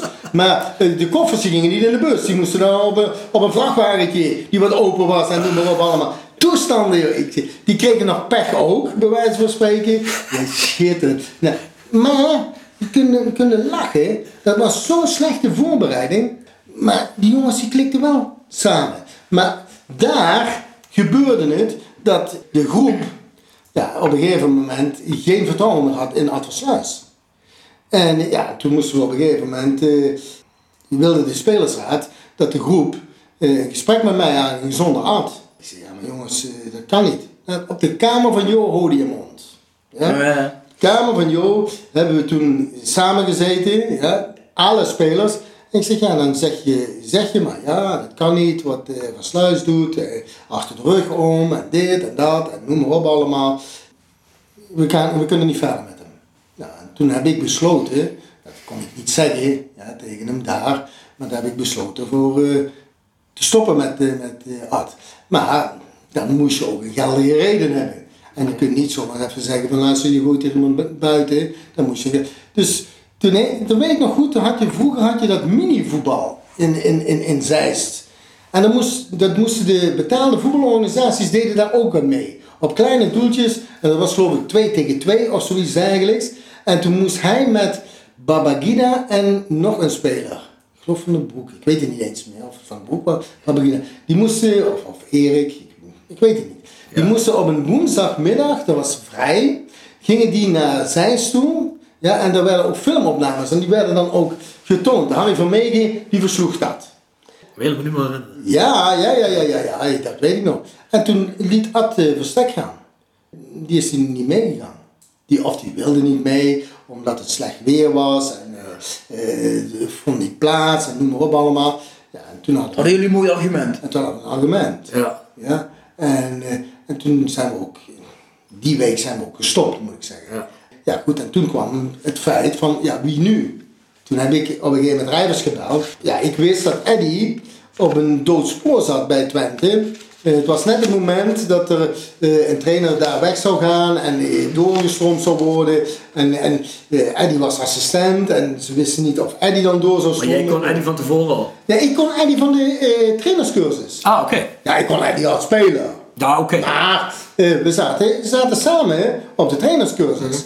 En, want die zei toen, toen ik op een gegeven moment voor Roda koos, toen zei hij, "Dit- maar succes met dat versluis, op zo'n manier, weet je wel, dat ik dacht van, ja, dat komt wel goed, dacht ik. Maar ja, dat kwam niet goed. Nou ja, goed, en toen heb ik Rijvers gebeld. En ik vergeet het nooit meer, dat Ma Rijvers op de achtergrond riep, moet je doen, moet je doen. Ja, dat past. En, eh, omdat ik vroeg aan ik zei, zou Eddy niet de juiste zijn om naar Rode te halen als assistenttrainer? Omdat Rijvers me ook geholpen had met het contract op te stellen. Ja, eh, dat ik ook zeker was dat niet zomaar alles kon gebeuren om me heen. Ja, Rijvers was voor mij een tweede vader. Ja, eh, en, en, en nog steeds. Ja. Maar als je dan nu nog steeds met hem praat over voetbal, dat is fantastisch. Ja, hoe die dan bij is en, en, en alles vertelt en shit. Maar goed, in ieder geval, eh, toen heb ik op een gegeven moment eh, Ed gebeld. En, eh, en tegen CV ook gezegd van, nou, Swinsten zou dat niet zijn. Ja, en die hebben toen ook met Eddie gebeld en die hebben een afspraak gemaakt. Ja, goed, en dat is toen zo tot stand gekomen. En blij toe, want ik heb Eddie nadien ook nog naar Schalke gehaald. Ja? Ik heb hem nog naar Red Bull gehaald, bij wijze van spreken. Om, er was toch een klik tussen Eddie en, en mij. En, en die groep, die had dat ook nodig. Die had iemand nodig. Kijk, Ad was een, een, een, een, een die wilde te veel. En Eddie was juist een, een good guy. En, en, en Ad was een bad guy. Die wilde hij ook nog zijn. Maar dat kon niet, want dat was ik al. Ja.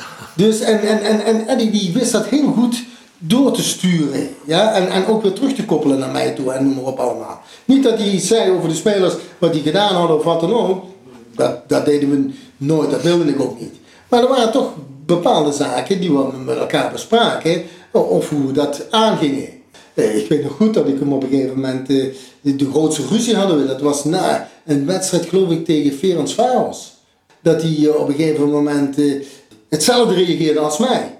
Ik zeg, jongen, na die wedstrijd heb ik hem bij me gehaald. Ik zeg, eh, zo werkt het niet hè. Ik zeg, als ik zo op zijn flikken geef, dan moet jij dan niet eens bovenop gaan. Dan moet jij bij wijze van spreken eh ze de hand op de schouder leggen. Ja? Maar dat spel speelden we dus ook. en, en, en het pakte goed uit bij die jongens. De jongens liepen allemaal weg met Eddie. Vonden ze fantastisch ja? om, om zo'n knul erbij. En ze wisten ook dat Eddie niks vertelde. Ja? Eddie hield dat voor zich. En bepaalde zaken moest hij wel vertellen. Maar op tactisch gebied, ja, natuurlijk. Ja, hadden we ook eh, de discussies en dan, dan gaf hij ook zijn mening. Maar dat klikte. Nogmaals, dat er naderhand dan een, een periode is geweest, dan ben ik blij dat dat ook voor mij is. En dat we nu weer gewoon de speaking terms zijn. Ja, Ja, natuurlijk. natuurlijk. Ja. Maar Hugo, hadden wij natuurlijk wel een geweldige selectie in die periode. In 1994. Ja, maar die selectie die was niet, eh, eh, die, die, die, eh, was niet zo duur hoor. Ja, hoe is die eigenlijk tot stand gekomen? Nee, maar, het- ja, maar dat, dat, dat waren de gesprekken wat we voerden met Arnold. En dat, dat waren niet zomaar gesprekken. Hij kwam op een gegeven moment met, met namen aan en dan kwamen wij weer met ideeën. Ja, dan zeiden we van ja, dat past niet. En dan kwam hij weer, ja, dat is te duur. En, en zo kwamen we wel. Ja, en zo kwam Arnold bij mij zo spreken. En dat was, dat was geniaal. Daar was hij, daar was hij fantastisch in. En, dan- dan dan zei ik, Barry van Galen bij mij zo spreken. We gaan naar VVV kijken en we gingen niet voorbij verhalen. We gingen naar VVV tegen Haarlem gingen we kijken. En Arnold zegt tegen mij, ga naar die spits kijken. En dat was Keur, Piet Keur. En ik is goed, gaan we die eens bekijken. ik zat niet bij hem. Ik zat, eh, ik denk, eh, 40 meter van hem vandaan. In de rust, eh, hij eh, kwam aangestiefeld en ik stond om en ik stiefelde zo naar hem toe, ja. En, zegt hij. Ik zei, oh, er is er eentje. Die zou ik zo nemen. Heb jij die ook gezien, zegt hij. Ik zeg, ja, die linkspoot. Wat denk je daarvan? Hij zegt, eh, ga ik regelen, zegt hij. Twee dagen later stond die speler in Kerkrade. En we hadden afgesproken om, eh, ik geloof om één uur of tien uur, ik weet het niet eens meer. Maar was een half uur van tevoren was hij daar. En dat was al een teken in de wand dat hij heel graag wilde. En dat was Barry. Maar zo, zo, zo gingen Ah, we het spelen. speler, nee, maar zo gingen we die spelers bekijken. En, en, en, en, en natuurlijk hadden we ook Piet Keur in het vizier. Maar dan loop je naar, naar elkaar toe en, en je hebt dezelfde mening, bij wijze van spreken. En dan was het gelijk. Hoe hij het regelde, dat moest hij zelf weten. ja? Maar hij regelde het wel hoor. En dan eh Waterreus. Helaas eh, verkopen aan PSV. Fantastisch. En dan haalde hij zo goed haalde niet. Ja. Ja, en, en wij werden er beter van. Nogmaals, Ronald had ook eh, kwaliteiten hoor, laat dat even duidelijk zijn. Maar Ruud was een persoonlijkheid ja, in het doel. En dat was Ronald niet zo. Dat vind ik denk ik zelf wel vandaag de dag. Nou, nee, nee, nee, ja, maar luister. eh, eh, eh, Als je stukjes schrijft. hè. later, stukjes. later, later wel hoor. Nee, nee, nee, dat moet ik ook even zeggen. Want ik, heb, ik tref Ronald nog wel eens vaker. En eh, later vond ik ook ja. Maar toen de tijd nog niet. Eh, in het begin was, was het... eh, Ja, Huub, ik zeg het wel met enige ironie, hè? Nee, nee, nee, Lees je wel eens de stukjes in de krant of niet? Nee, nee, dat klopt. Nee, maar, je, hebt, ge- nee, maar je hebt gelijk. Ja. Ja. Zo, zo was hij ook. Zo was Ronald ook. Ronald had een uitgesproken mening. Ja. En dat is toch ook goed? Ja, Ja, zeker is het goed. En, en, en zeker als keeper hè, moet je een, een, een mening hebben. Maar Ruud dacht daar veel meer aan het groepsgebeuren. En Ronald veel meer aan zichzelf. Eh, Dat was het verschil. Maar Ronald kwam ook uit de wielersport. Hè? Vergeet het even niet. Die was eigenlijk wielrenner, wilde niet worden. En die is keeper Omdat geworden. hij meer individueel dacht. Ja, die dacht veel meer individueel. En, en daar wilden wij nou juist in Kerkrade van af. Wij wilden naar het kompelgebeuren toe. Ja, en dat dan moest je ieder mozaïeksteentje moest je daar weer in terecht plannen en, en plaatsen. Tuurlijk. En, en eh, hetzelfde, David Na- Nascimento, ik heb hem later nog vaker getroffen en gesproken. Maar David was ook zo iemand die dacht veel meer aan zichzelf dan aan het team. Jongen ook hoor. Jongen die dacht ook veel aan zichzelf, maar die dacht ook aan het team. En die had een veel andere uitstraling ja, dan, dan eh, eh, David. David, bij wijze van spreken, een van de eerste trainingen En we hadden afgesproken, allemaal dezelfde kleding. En David, die komt met een ander polootje aan. Ik zeg, wat is dat? "Oh, hoezo? Eh, eh. Accepteren we niet. Ander aan.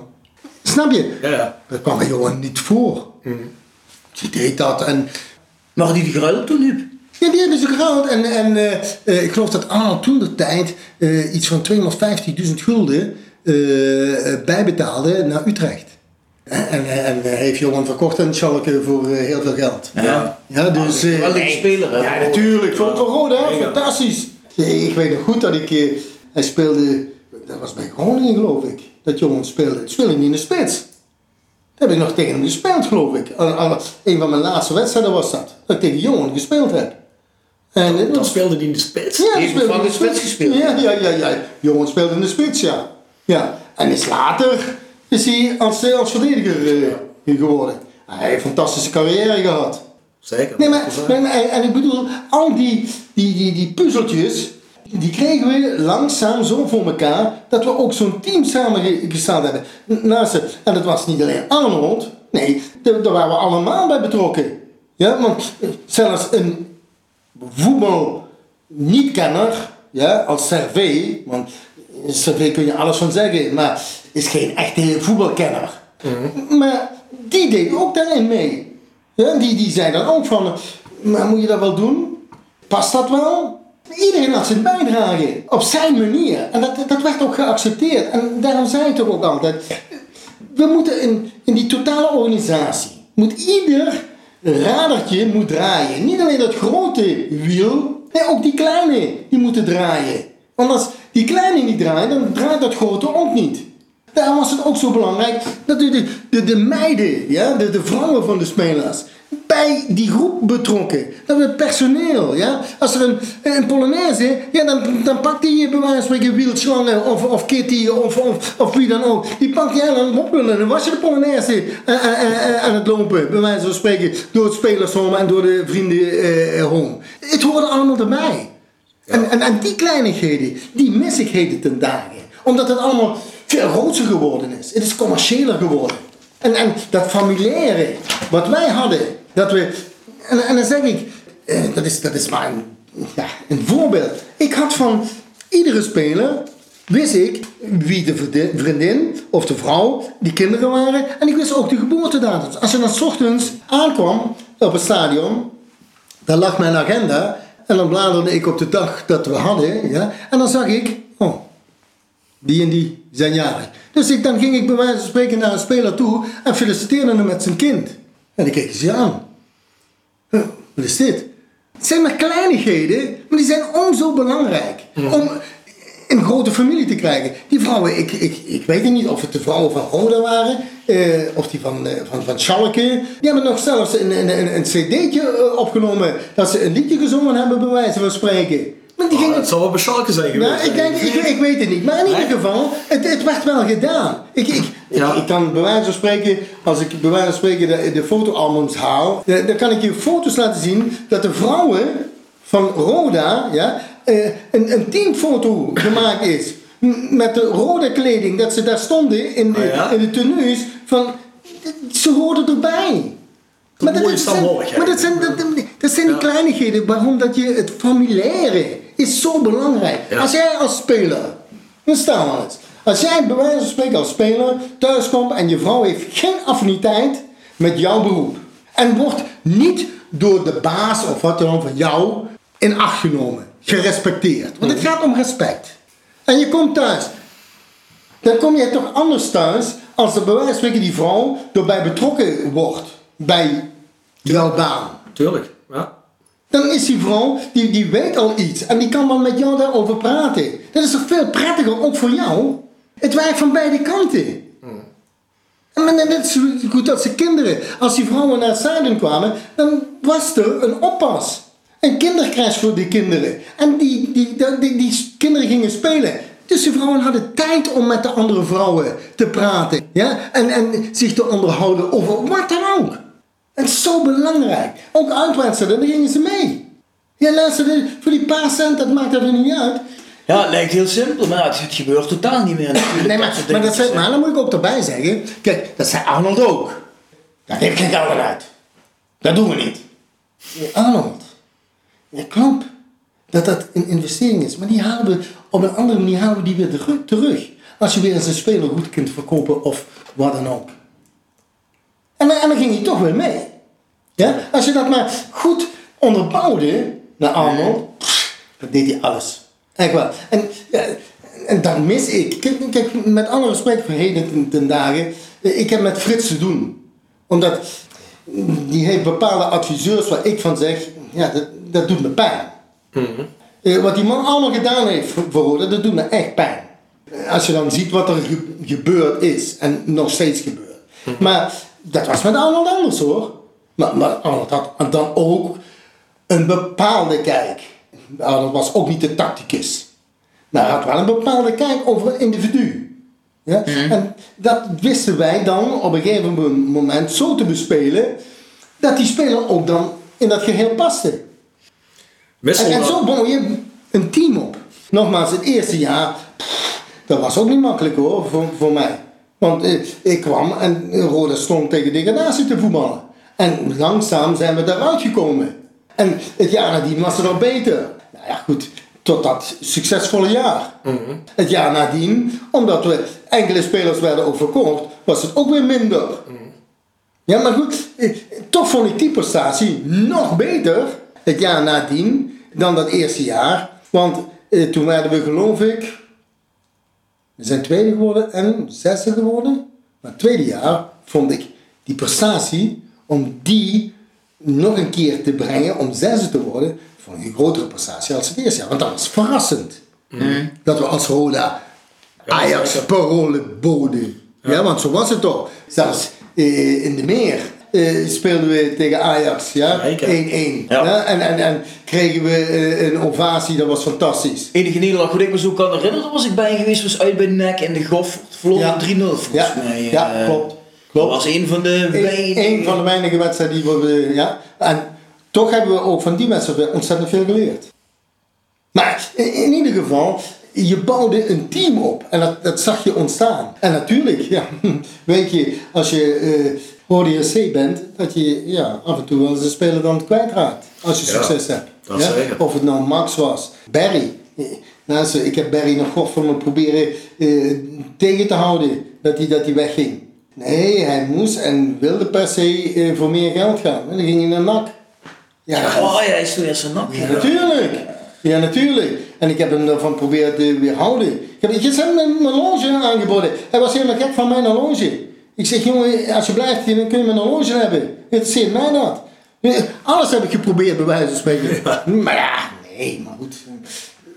En jongens hebben dan ook gelijk als ze bij wijze van spreken meer geld kunnen eh, eh, pakken. En nadien is hij dan naar AZ gegaan en heeft hij eh, een fantastische carrière nog gemaakt. Gelukkig, gelukkig voor hem. Ja, zo is het toch? Ja. Ja, halve finale UEFA Cup nog volgens mij Ja, gespeeld. ja, ja, ja. Ja, Ja. was een goed team Ja. toen. En dat team, wat was nou eigenlijk eh, de moeilijkste speler voor je? Eh, eigenlijk, het was de makkelijkste en de moeilijkste. Want makkelijk, omdat hij heel veel van mij had. En moeilijk, ja, omdat je iedere dag weer om op zijn kloten moest zitten. Om hem toch ervan te weerhouden om zijn winnaarsmentaliteit eh, op allerlei manieren door te zetten. En dat was Raymond. Raymond was de lastigste. Maar ook de makkelijkste, want ik, ik wist één ding, die wil maar winnen. Die wil alleen maar winnen. Maar die had af en toe wel een, af en toe, ja, poeh, er waren wel momenten dan kon, kon, kon zijn nek omdraaien, bij wijze van spreken. Hij, hij meende dat wel goed, maar hij deed dat vaak verkeerd hoor. En dan moest ik hem weer corrigeren. Maar corrigeerde ik hem niet, dan was het Johan, of dan was het Ruud, die hem dan. En daar luisterde hij wel niet altijd naar, maar er waren toch wel momenten dat hij ook daar gehoor aan gaf. Nou, we hebben het dan over Atteveld, hè, voor de mensen die luisteren. Maar die heeft ook uiteindelijk maar één jaartje gebleven. Hè? Ja, maar eh, dat jaar het was wel heel erg belangrijk. Want wat denk jij, wat voor mentaliteit dat we in die ploeg kregen? Een overwinningsmentaliteit. En dat, dat hadden we nodig. En, ik zeg het je, ik weet nog goed dat Arnold zei tegen mij, luister, ik heb in België iemand eh, rond zien lopen. Zou die niet passen? Ik zeg, ja, wie dan? Ja, zegt hij, Attenveld. Ik zeg, Attenveld? Poh.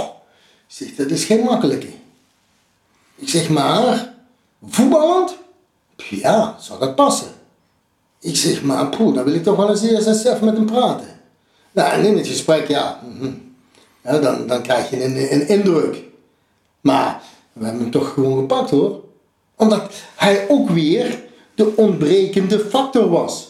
Door Atte konden we 1 tegen 1 spelen. Want we hadden met Johan, Ger en Mark hadden we drie verdedigers die man tegen man konden spelen. En Raymond die speelde daartussenin. Maar die schoof wel constant door naar het middenveld. Waardoor Erik zijn mannetje wel eens kon laten lopen.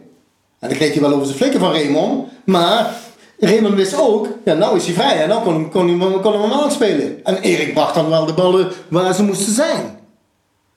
Maar het kwam gewoon omdat Raymond de ontbrekende factor was om door te schuiven naar het middenveld. Kijk, en dan hadden we met Arno hadden we een controleur. We hadden met Barry een fantastische voetballer. Met Erik een fantastische voetballer. Met die bediende die voorwaartse wel. Ja, dat was een geweldig. Maar vergeet niet dat, dat Babagida in het begin niet gespeeld heeft hoor. Speelde Iwan. Ja, natuurlijk. Tomek die speelde rechts. En Tomek die deed het zo goed dat Baba in de eerste instantie niet in de bak kwam. Zo goed was die ploeg. En, en je had in de spits had je met Maurice er eentje. Ja, luister, ook dat was een eh, factor die wat heel belangrijk was. En ik, ik zie nog komen een popje ja, van, van, van VVV. Arnold komt, ja, eh, graaf, dan hebben we wel een scorende spits. Zeg maar, poeh, poeh, dat weet ik niet. Maar we hebben Maurice hebben we naar de dinges gestuurd, naar een diëtist. Ga maar eens eerst praten met eh, onze eh, diëtist en kijk maar wat, je, wat je doet met je voeding. En luister eens, fantastisch uitgepakt. Fantastisch. Die is meer in eten, op een andere manier. Maar het was veel explosiever dan voorheen. Kon 90 minuten lopen hoe, hoe die wilde. Maar was de ontbrekende factor. Want, want Dirk-Jan, die, die was er. Peter Hofstede ging weg. Als spits. Dus toen kwam Maurice kwam eigenlijk daar in de plaats. En, en, en ja, aan de linkerkant had je Max spelen. Ja, dat was een zekerheidje, hè. We moeten, moeten even nagaan wat voor team dat je had staan. Ah, dat was Ja, geweldig. Ja. Dan wist je al van tevoren dat je ging winnen. Je vroeg je alleen af hoeveel dat Maar het zou hoeveel? worden. Bij wijze van spreken. Ja, dat hebben we daarna helaas nooit meer op die manier gehad. Nee, dit, dit is toch zo? Wat zeg jij nou, wat mis het huidige Roda nou de laatste tijd? Is, Nou, dat, dat- is, dat, is, dat, is dat een man zoals Noel Hendricks of is dat wat anders? Ah, Ja, kijk, luister, natuurlijk. Dit Roda mag je nooit vergelijken met, met, met die ploeg. Die, die, dat ploeg. Die ploeg, dat was een homogeen team. Dat was een eenheid. Dat, dat waren koempels. Daar had je ook de mentaliteit voor binnengehaald. Ja, met een De Kok, met een Hesp, met een eh, Graaf, met een eh Attenveld. Maar dat- die kwamen toch ook via jou en Nul binnen, die jongens. Hè? Dan zou je toch zeggen, dat is toch gewoon wel een break naar Roda nou. Nou, ja, Zo'n ja, mensen die, die nee. dat soort lui binnen kunnen. Ja, maar je kon natuurlijk in die periode wel wat transfersommetjes Oh, opbetalen. En nu oh. moet je denk ik uit de transfervrije vijver vissen. Ja, nee, je bent, je iedereen bent verplicht, je bent verplicht op dit moment eh, transfervrije spelers te halen, eh, spelers uit te lenen. Eh, dat gaat allemaal niet meer zo makkelijk. Nee, goed, Kijk, maar en, en, en Nol had één geluk, die had zo'n netwerk om zich heen. Ja, Nol had ook een netwerk om zich heen. En daar zaten ook zaakwaarnemers in. En die stak hij ook wel eens af en toe wat toe. Ja? Waardoor dat die dan toch weer die speler naar Rode brachten. Nee, maar dat is nu een heel normaal gebeuren. Maar bij Arnold was dat... Hij was eigenlijk, misschien wel de eerste die dat deed. Op die manier. Omdat hij eh, ja, puur zo'n zakenman was. Hoe denk je over eh, Jean-Paul de Jong? Positief. Nee, ik heb, ik heb eh, Jean-Paul heb ik nog eens, die, die, die was in de jeugd van, van Utrecht. Toen wilde ik hem naar PSV halen. Eh, als, als, als jeugdige speler. Het was een, een, een verbindingsspeler op het middenveld. Nee, nee, ik, ik ben positief over eh, Jean-Paul. Maar ik denk dat het voor hem ook niet makkelijk is. die, die krijgt zoveel hooi op zijn vork. Poeh, als, als jonge trainer, dat allemaal, daar moet je mee om weten te gaan. En nogmaals, ik sta er heel ver van af. Ik kan daar niet over oordelen. Ja, of hij het goed doet, slecht doet, eh, noem maar op. Maar zoals hij als speler was, zoals hij dacht, met zijn brutaliteit ja, en, zijn, en zijn humor, denk ik dat dat past. Ja. Is wel, ja. En hij heeft eigenlijk ook de laatste maanden misschien eh, van de zijlijn af eh, het hele Ja, Roda dat is natuurlijk niet makkelijk hè? als je eh, geconfronteerd wordt met dan een Mexicaan, dan dit en dan dat. Ja, luister, sorry hoor, maar dat, dat, dat, dat kan niet. En, en luister, en, en, en dat zeg ik heel simpel, als het boven niet goed zit, dan kan het ook in het team niet goed zijn. En dat vind ik echt een prestatie van Jean-Paul, dat hij die spelers nog altijd daarvan weggehouden heeft. Maar het werkt toch door. Op de een of de andere manier werkt het toch door. Ja, en dat, en dat vind, ik vind dat jammer. Ja, want kijk, wij hadden met Servé, Theo, eh, Arnold. En er waren natuurlijk de Jo Ploems en weet ik niet allemaal, eh, die waren nog daar- daar- daarbij. Maar eh, Jo Rodiemond, Jacinta, ja, die waren belangrijk eh, in de organisatie. Maar die begeleiden dat ook weer op. En, en Jo deed dat, Jo Rodiemond deed dat op zijn manier. En natuurlijk eh, eh, deden die jongens eh met hem en, en hielden ze hem voor de gek, bij wijze van spreken. Maar Jo wist dat wel op een hele goede manier wist hij dat neer te zetten. Die was ook weer belangrijk. Ik zeg het je, die organisatie om een team heen. Dat is ook een radar. En dat moet ook draaien. En dat moet ook eh, vloeiend draaien. Als dat stopt, ja, dan stopt dat team ook. Dan stopt dat grote radarwerk ook. Ja, Huub, Ivo Klumme die vraagt, hoe denkt Huub dat Rode er weer bovenop gaat komen? Wat is er nodig? Ja, dat moet van onderuit helemaal opgebouwd worden. Luister eens, je kunt wel bovenaan beginnen, maar je moet een fundament hebben. En, en ik, ik, ik weet niet hoe de situatie is, ik weet ook niet hoe de jeugd is en noem maar op. allemaal. Ik, ik weet het niet, ik ben er heel ver vandaan. Ja? Als jij die financiële mogelijkheden niet hebt, dan zul je het toch van onderuit op moeten bouwen. En dat duurt jaren en jaren. Maar je, je moet ergens beginnen. Mijn voorkeur zou zijn. Ik, en nogmaals, ik zeg iets. Ja. Mijn voorkeur zou zijn. Ik zou in ieder geval. Zou ik de jeugd in Limburg. Veel meer met elkaar laten trainen. Van de BVO's. Om concurrentie te hebben. Dat die spelers. concurrentie gaan opdoen. in trainingen. eh, in wedstrijden. met Fortuna. met MVV. Dat is toch niet zo moeilijk? Laten ze nou samen trainen. Zet er goede jeugdtrainers op. Ergens zul je moeten beginnen. Nogmaals, als we nu kijken. Fortuna heeft het moeilijk. VVV heeft het moeilijk. NVV heeft het moeilijk. Roda heeft het heel erg moeilijk. Willen we dat? Eh, met alle respect. Maar dan moeten we toch iets aan gaan doen. Nou, dan gaan breng die jeugd samen. Laat Ja. die op een hoger niveau. En, en, en regel dan bij wijze van spreken oefenwedstrijden. eh, Tegen, tegen Ajax, tegen eh, eh, eh, eh, eh, Anderlecht. eh, weet ik dat tegen wie?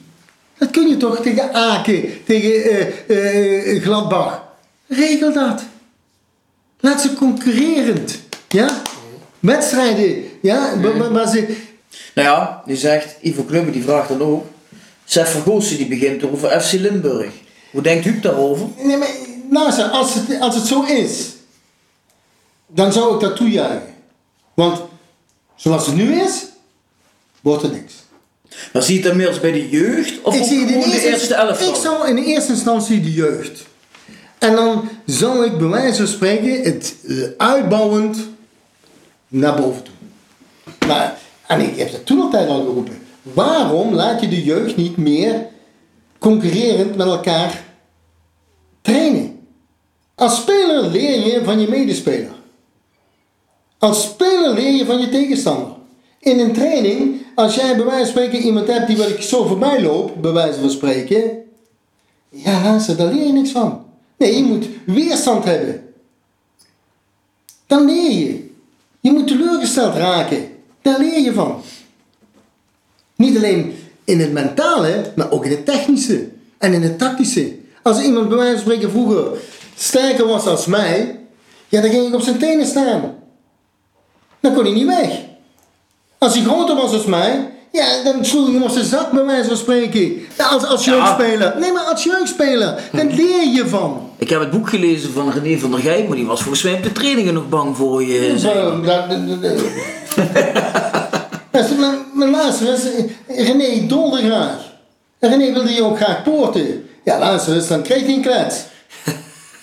Ja, maar dat is toch heel normaal? Ja, ja, dat is Nee, dan, zeker. dan laat jij je gewoon eventjes voor gek zetten. Nou, alsjeblieft.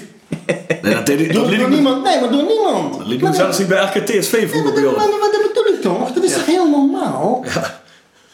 Dus, maar daar leer je wel van. Dat je dat René daar niks van geleerd heeft. 100% heeft hij daarvan geleerd.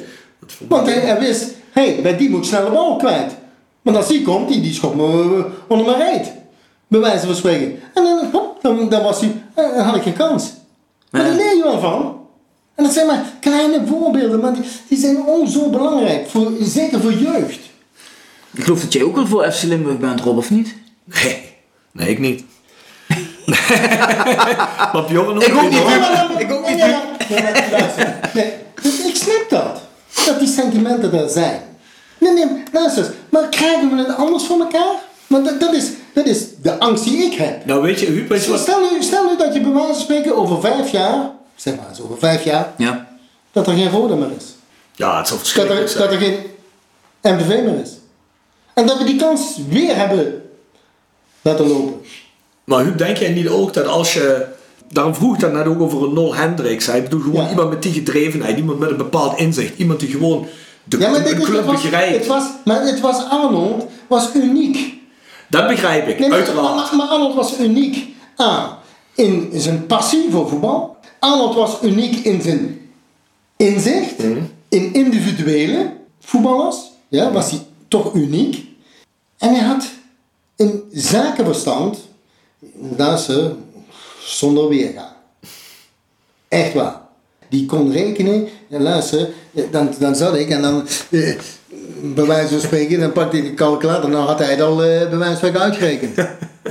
dat had hij. Die man die was geniaal op dat gebied. Die, die mensen zijn er niet te vinden.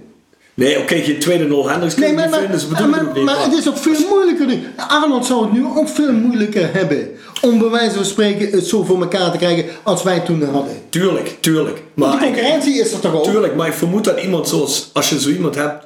Nou is er geen tweede, maar je zo iemand gehad als Nol Hendricks... Door zijn connecties... Die vindt dan misschien ook in de transfervrij gebeuren... Of waar iets gelinkt kan worden... Vindt hij waarschijnlijk... Maar- Iemand die misschien een beetje wacht slimmer als Sam staat. hè? Ik heb nog steeds contact met eh, Twan van Mierlo, die de scouting doet. En ik, ik doe nog steeds hun helpen.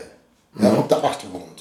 En met Duitse clubs of noem maar op allemaal. Dat doe ik nog steeds. Ja. Maar je moet ook weer uitgaan van die andere clubs, die hebben ook eh, hun eigen ideeën. En denk je nou werkelijk dat een club als Gladbach, dat die bij wijze van spreken, eh, die denken toch het eerst aan hunzelf. En, en terecht ook. Ja. en dan pas denken ze aan Roda. Of aan, aan, aan VVV of aan wie dan ook. Maar er zijn wel contacten. Eh, Twan heeft die contacten. Eh, We zijn, eh, Harm, Twan en ik, we zijn naar Gladbach geweest. We zijn naar Keulen geweest. We zijn Schalke geweest. Die contacten zijn er. Maar die clubs die denken ook aan hunzelf. En terecht. Dus het is veel moeilijker, heden de dagen. Maar nogmaals, contacten, die leggen we wel. Kijk, Harm had het geluk dat hij in België heel veel contacten had. Dat, deed- dat deed hij dan. Ja, ik deed het dan vanuit Duitsland en ik, ik legde de contacten dat Harm nadien ook die contacten had. Ja, en die hebben ze ook. Ja, Twan heeft die. Twan kan overal terecht in Duitsland. Dus die contacten die zijn er wel. Maar die clubs die, die kijken toch naar zichzelf. Ja, zeker. Nee, dat is ook zo. Ja, bovendien, we hebben ook wel. eh, in het laatste jaar dat we degradeerden ook hele leuke spelers. En ik denk eens wel een beetje het zeggen. Het is natuurlijk Ja. bij die club. Ja, in de organisatie zit het dan. Nee, maar, maar, maar kijk, je kunt eh, eh, spelers eh, halen die wat de kwaliteiten hebben. Maar die club die gaat dan toch denken van luister eens, is hij nou goed genoeg voor ons? of moeten we hem verkopen? En dan, dan komen ze natuurlijk bij Roda en dan zeggen ze tegen Roda, ja, we hebben die uitgeleend, eh, willen jullie hem kopen? Ja, hebben geen geld. Ja. Ja. dan komt er een andere club, die geeft er bij wijze van spreken 100.000 voor. Ja, daar, die speler is weg. Ja, Maar zo, zo makkelijk is het toch? dat klopt. Als jij nou eh, van, eh, van zo'n Corotijf 2 miljoen had gekregen om te besteden, Huub, had jij die dan zo besteden als Tom? Ik denk het niet. Hè? Nee. Dat, was, dat was wel bizar. Maar in ieder geval, eh, kijk luister, eh, ja, daar kunnen we heel kort over zijn. Tom, die, die had het niet. Daar zijn we allemaal achter, denk ik. Hè? Dat, dat, dat, dat hoop ik toch. Ah, nee, ja. Nee, met alle respect voor Tom. we- Ik, luister, ik, weet, ik, weet, ik weet dat Tom eh, vroeger eh, werkte bij een eh, automobielbedrijf. Ja. En die jongens die gingen daar eh, eh, eh, met zijn leaseauto, geloof ik, om eh, een service te krijgen voor de auto. En meer deed Tom niet. Ja. dus, Ja, dat zei en niet ook ik. En dat Tom in het voetbal terechtgekomen is, dat is fijn voor hem. Ik, ik vergeet nooit meer. Ik vergeet nooit meer. Ik was trainer bij Keulen. En er belt mij iemand op. Die wilde een stage lopen, want die wilde eh, voor trainerdiploma. hij kan komen hier. Ja, geen probleem, maar niet in de kleedkamer. Want dat is eh, voor ons. En gewoon verdorie, toen een week later zat er iemand in de kleedkamer. eh, en die stelde zich voor als Ton Kane. ik zeg, ja maar luister dit is niet de bedoeling. Je bent nog geen trainer hier. Nee, maar zo is Ton. Ja, en, dan komt hij in de kleedkamer en dan denkt hij eh, zelfs de opstelling te maken. Ja, dag. Nee, maar met alle respect. Ah, kom. Ja, ons Nee, maar niet Huub. Nee, maar dit is, maar Tom zijn manier. En die, en die zal ook wel ontzettend veel geleerd hebben. Denk ik. Ja. Maar, eh, Helaas op de nee. kosten van ons. Nee, Ja, dat was niet mijn keus. nee, verschrikkelijk. dat duidelijk zijn. Ja. Hé, luister Rob, hoe ver zitten we met de tijd? Want anders, we moeten om 1 uur bij Maurice Graaf zijn. Nee. Ja. Nou, eh, heb het niet over die diëtist, hè? Ja, dat is de eerste vraag. Maar, luister. Mooiste. Oh, het is- Mooi. Anders stel ik voor dat we nu gewoon Huub Stevens 1.0 doen. En dan doen we over een paar maandjes Huub Stevens 2.0. Als Huub dat wil. Ik heb daar geen problemen mee, joh. Kijk, nou. Ja, maar dan moet je, moet je niet vragen, dat zeggen we gewoon. Fantastisch. Nee, zie je, Zeggen we zo- gewoon. Jullie zijn net zo brutaal als Tom. Ja, daar hebben we veel van geleerd. Dan ik, ja, Luister, luister. Hij, hij is hard, hè. en Ik ben meer de Eddie Achterberg. Dus, eh, Ja, dan moet helemaal altijd een spelletje ja, spelen. ja, ja, ja. ja. Hey, maar... eh, ja, mooi verhaal van Huub, hè. ja, tuurlijk, maar ja, we, denk- hebben pas het tipje van de ijsberg aangestipt met Huub. Maar dat denk ik de eerste 5 centimeter van de ijsberg. Ja, ja, denk ik. dus Ja, er zit nog veel meer in het vat. Dat denk ik ook. Maar het seizoen is nog lang. En er komen nog meerdere seizoenen. Er komen nog meerdere seizoenen. Laten we hopen. Wie weet, misschien dat... eh, Ik zie hier hoe bij je Huub. Huub? Hoe bedoel je dat nou weer, Huub? Nou, ik, ik hoop dat het eh, allemaal goed gaat komen met Roda. Ah, het komt zeker. Ja, nou ja, maar luister, eh, jongens, voorzichtig zijn. Ik Mag even de laatste vraag stellen? Sorry dat ik je Ja. reden val. Die mensen die er nu zitten, hè, Ja. ehm, daar hebben er een gedeelte van al van tevoren ook gezeten. Hè. Die mensen van de G3 zitten er nu wel een beetje tussen. ja ik, ik weet niet wie daar precies zit. Ja, dat zijn... eh, Nou ja, Bert Beels, Jan Bagge, Dionne Wiertz, Harm Wiertz zit er nu weer bij. Daar ken ik er wel enkele van, ja. Hebben die mensen toen hun eigenlijk iets hebben gedaan bij Roda vorig seizoen? Heeft er iemand ooit contact met jou Ja. opgenomen? ja. Hebben wel Maar die hadden toen, die hadden toen geen, geen schijn van kans. Omdat eh, Kortaev dat niet wilde. Toen kon dat niet. En ik weet niet hoe de situatie nu is. Tot nu toe heeft niemand contact opgenomen met me. Maar eh, Als dat het gebeuren, zou je dan wel bereid zijn te ja, adviseren? helpen, help ik. Ja, mooi. Nee, dat heb ik toch altijd tegen gezegd. Nee, ja zeker. Ja, maar dat, doe ik, dat, dat doe ik toch nu toch ook eh, als het eh, met betrekking tot scouting gaat. Ja, en, Tuurlijk. en, en nogmaals, maar je bent toch afhankelijk van wat willen die clubs. Mhm. Kijk, ik kan niet zomaar even zeggen als eh, lid van de Raad van Commissarissen. luister, we doen drie spelers zomaar even bij Roda neerzetten en, en dat levert je niks op. Nee, en dan, toen- luister, dan zegt Charles ook tegen mij, tik jij niet, ja? Tikst toen niet richtig, Huub? Dat bedoel ik. Wat, was het dan met Korotayev, Huub, wat die, wat die Nee, dat weet ik, ik, dat weet ik niet, maar Korotayev was toen ook in beeld. En eh, toen waren ze eh, bezig om bij wijze van spreken toch iets op te zetten dat, eh, dat zij eh, het voor het zeggen zouden krijgen. Maar ja, dat, eh, dat was zo moeilijk en eh dat was ook weinig geld, moet ik zeggen, toen de tijd. En ja, daar hadden ze geen schijn van kans tegen het aannemelijke bod wat Korotayev gedaan Nou ja. Maar, eh, en je had toen eh, nog eh, die, die speler, die oudspeler, eh, had je daar rondlopen, die wat eh, van de Korataev daar neergezet was, wat alleen maar geld gekost heeft. Oh, Ja. eh, Van Elka. Anelka. Nou, Nou ja, een heel mooi appartement. in ja, heel mooi. Alles fantastisch, mooie auto, schitterend. Ja. Nou ja, maar goed. Ja. Net als al eh, dat, ik, dat ik gehoord heb dat die Mexicaan ook eh, van alles had en eh, dat die de rekeningen bij Rode binnenkwamen. Ja, dat kwam alleen maar Lekker rekening bij. Ja. ja, betaald heeft hij in ieder geval. Ja. Ja, Oh, ja. Laten we het hier maar bij bij deze Huub. Hoe, hoe, hoe ver zijn we qua tijd? We zijn, eh Huub heeft langer gepraat als Erik van der Leur. Zeg. Nog langer Nee, als Erik van der Leur? Nou Ja, kan niet. Wel. Dat is Erik- dat- Nou, maar luister, het was als wij Erik van der Leur niet op een gegeven moment hadden afgekapt, dan hadden we nu nog met Erik van der Leur gepraat. Ja, maar dat kwam omdat Dat- ze bij Erik, van, bij Erik van der Leur ging de bon alles hoeven sluiten. Daarom moesten we wel uit. Maar, van Hoogdalen was het, bed. maar was het in de periode dat Erik nog werkzaam was of was het eh, Nee, Net daarna. net daarna? Ja, ik was zelf werkzaam, maar drie weken geleden of zo. Al drie weken geleden. ik wil zeggen, ja, Nou ja, goed, het Ja. is toch eh, pijnlijk voor hem geweest, denk ik. Ja, dat hij op die manier aan de kant geschoven is. Maar ja, goed. eh, dat Ja, maar goed, hij is nog altijd in dienst, hè? Dus, eh, dus hij is niet uit dienst. Hij- Hij is nog niet uit dienst. Maar wel niet aan het werk. Hij heeft nog altijd een contract. Aha. Zeg toch, Dat eh, zegt heb je. Ja, dat heeft hij verteld, ja. Ja. ja. Kijk dat een beetje aan Erik ligt. Meneer die weer gaat praten, meneer die misschien wel aan de slag gaat. Ik heb geen idee, ik vraag me dat af. Hij zou een contract hebben, maar hij is niet aan het werk. Ja. Nou, de toekomst zal het uitwijzen. ja.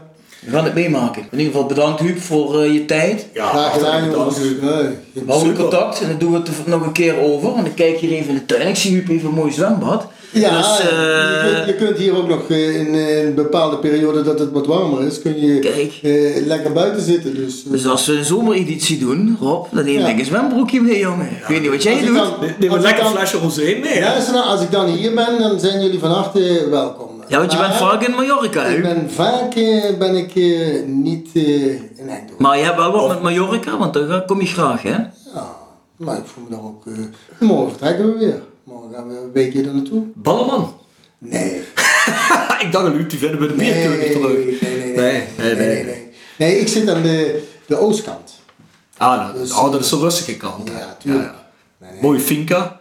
Lekker. Ja. Ja. Ook een velddienststap geïnstalleerd in de finca. Eh, nee. Nee, nee. Maar die, die heb je volgens mij in Schalke overgehouden, hè? Die heb ik eh, van de bierbrouwerij gekregen, ja. Ja, van, ja. Ja. van de Misschien, velddienst. Ja. misschien krijgen we onze sponsoren zover dat ze een keer wat extra's doen. Dan kunnen we een opname in Mallorca doen. Kijk. Hey, wie weet. Toch? Kijk. Ja, als jij ons vraagt met Kijk, grote en- vriend en- Alex, en- Alex zegt, Korotayev, die sponsort ons, dan kunnen we Kijk, van Als ik jullie beu ben, dan eh, vlieg je daar makkelijker als hier. Want daar hoef ik je maar eh, van eh, die etage af te smijten. Ja. Hier eh, kan ik je alleen maar op de grond gooien. Ja, of daar, gooi, daar gooi ik je van eh, eh, 20 hoog gooi ik naar beneden. Dit is de eerste, Dat is de eerste doodsbedreiging. dit is de eerste, dit is de- dit is de eerste gast, er hadden, dit is de eerste gast die ons bedreigt. Nu hebben we alleen maar gasten gehad die andere gasten bedreigd hebben. Nou, dat is die laatste twee minuten wel laat geweest eigenlijk. Hey Bjorn, laten we nog heel eventjes uh, Oh ja. de sponsoren snel opnoemen op het einde. Hè? Dan, eh, Ik zou het bijna vergeten. we hebben een Next Door Kapsalon, Nagel en Beauty Salon. Aan de log 44A8 in.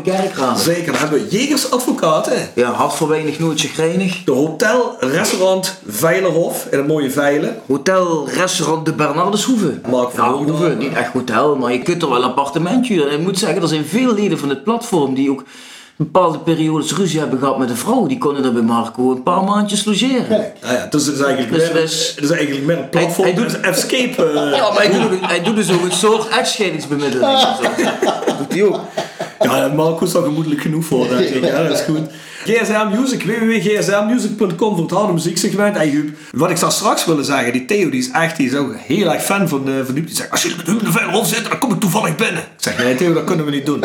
Dus Huub, misschien, als je even een groet kunt uitrichten aan Theo. Nou, Theo blijft lekker eh, sponsor en eh, bemoei je niet met het voetbal. Ja, Oh. Ik denk dat dat heel verstandig is. Ja, dat, kijk Theo. Zie je maar weer, hè? Rapie, autodemontage, locht 70 kerkraden. De internetgroep Limburg slash iPhone reparatie Limburg aan het Wouderpad 7 in Beek. Van die webdesign, et cetera. Nou, daar hebben we stokgrond verzet. En Jub, als je een keer een guurtje gegraven moet hebben de tuin van een nieuw zwembad, stokgrond verzet. Aha. Dat is een hele goeie. Ja, dat is een goeie. Ja, ja moet je in de achterhoofd houden. Zeker weten. En als laatste hebben we Willeweber Keukens aan de Boebegraaf 1 in Schinveld. Keukendesign voor elke beurs. Het is goed te weten voor mensen in Parkstad natuurlijk. Het is niet de rijkste omgeving dus. Een keukentje wil, die gaat dan even met Patrick Willeweber. Ja, dan kun je eventueel eh, op een Noel Hendrik-stijl manier onderhandelen over een keuken. Kun je bij Ikea niet. Nee, precies. Ja, dus. Is het. Gepresenteerd wordt hij dus altijd door South 16. Voice of Calais at south16.com is ons mailadres. Dus mocht je opmerkingen hebben, vragen, stel ze daar. En koop daar ook eh, je t-shirtje voor je favoriete podcast. Ah ja, op shop.south16.com. hè. Oh, ik moet nog heel even iets mededelen. We hebben op 7 december als vervanging van de nieuwjaarsreceptie bij Roda door de fans wordt de kerstborrel georganiseerd. Dat is een beetje de kersttegenhanger van de open dag. Daar is ook de selectie aanwezig. Onder andere hebben wij daar de Voice of Calais live, nemen we op, met onze grote vriend. Jen Hansen, hè? Shane Hansen zit erbij. Ja, leuk. Ja, daar hebben we voor de rest nog een aantal artiesten. Rick Roblinski, eh, Guido Staps treden op. Eh, er is een brandbier, uh, bokbierproeven en dat soort zaken. Allemaal wordt een gezellige avond. Kim Holland geloof ik. Kim Holland, ja, ja waarschijnlijk. Nou ja, wie zin heeft, komt. Tuurlijk. Dus 7 december. Ja, dat was het voor vandaag. Bedankt voor luisteren. Bedankt voor het luisteren.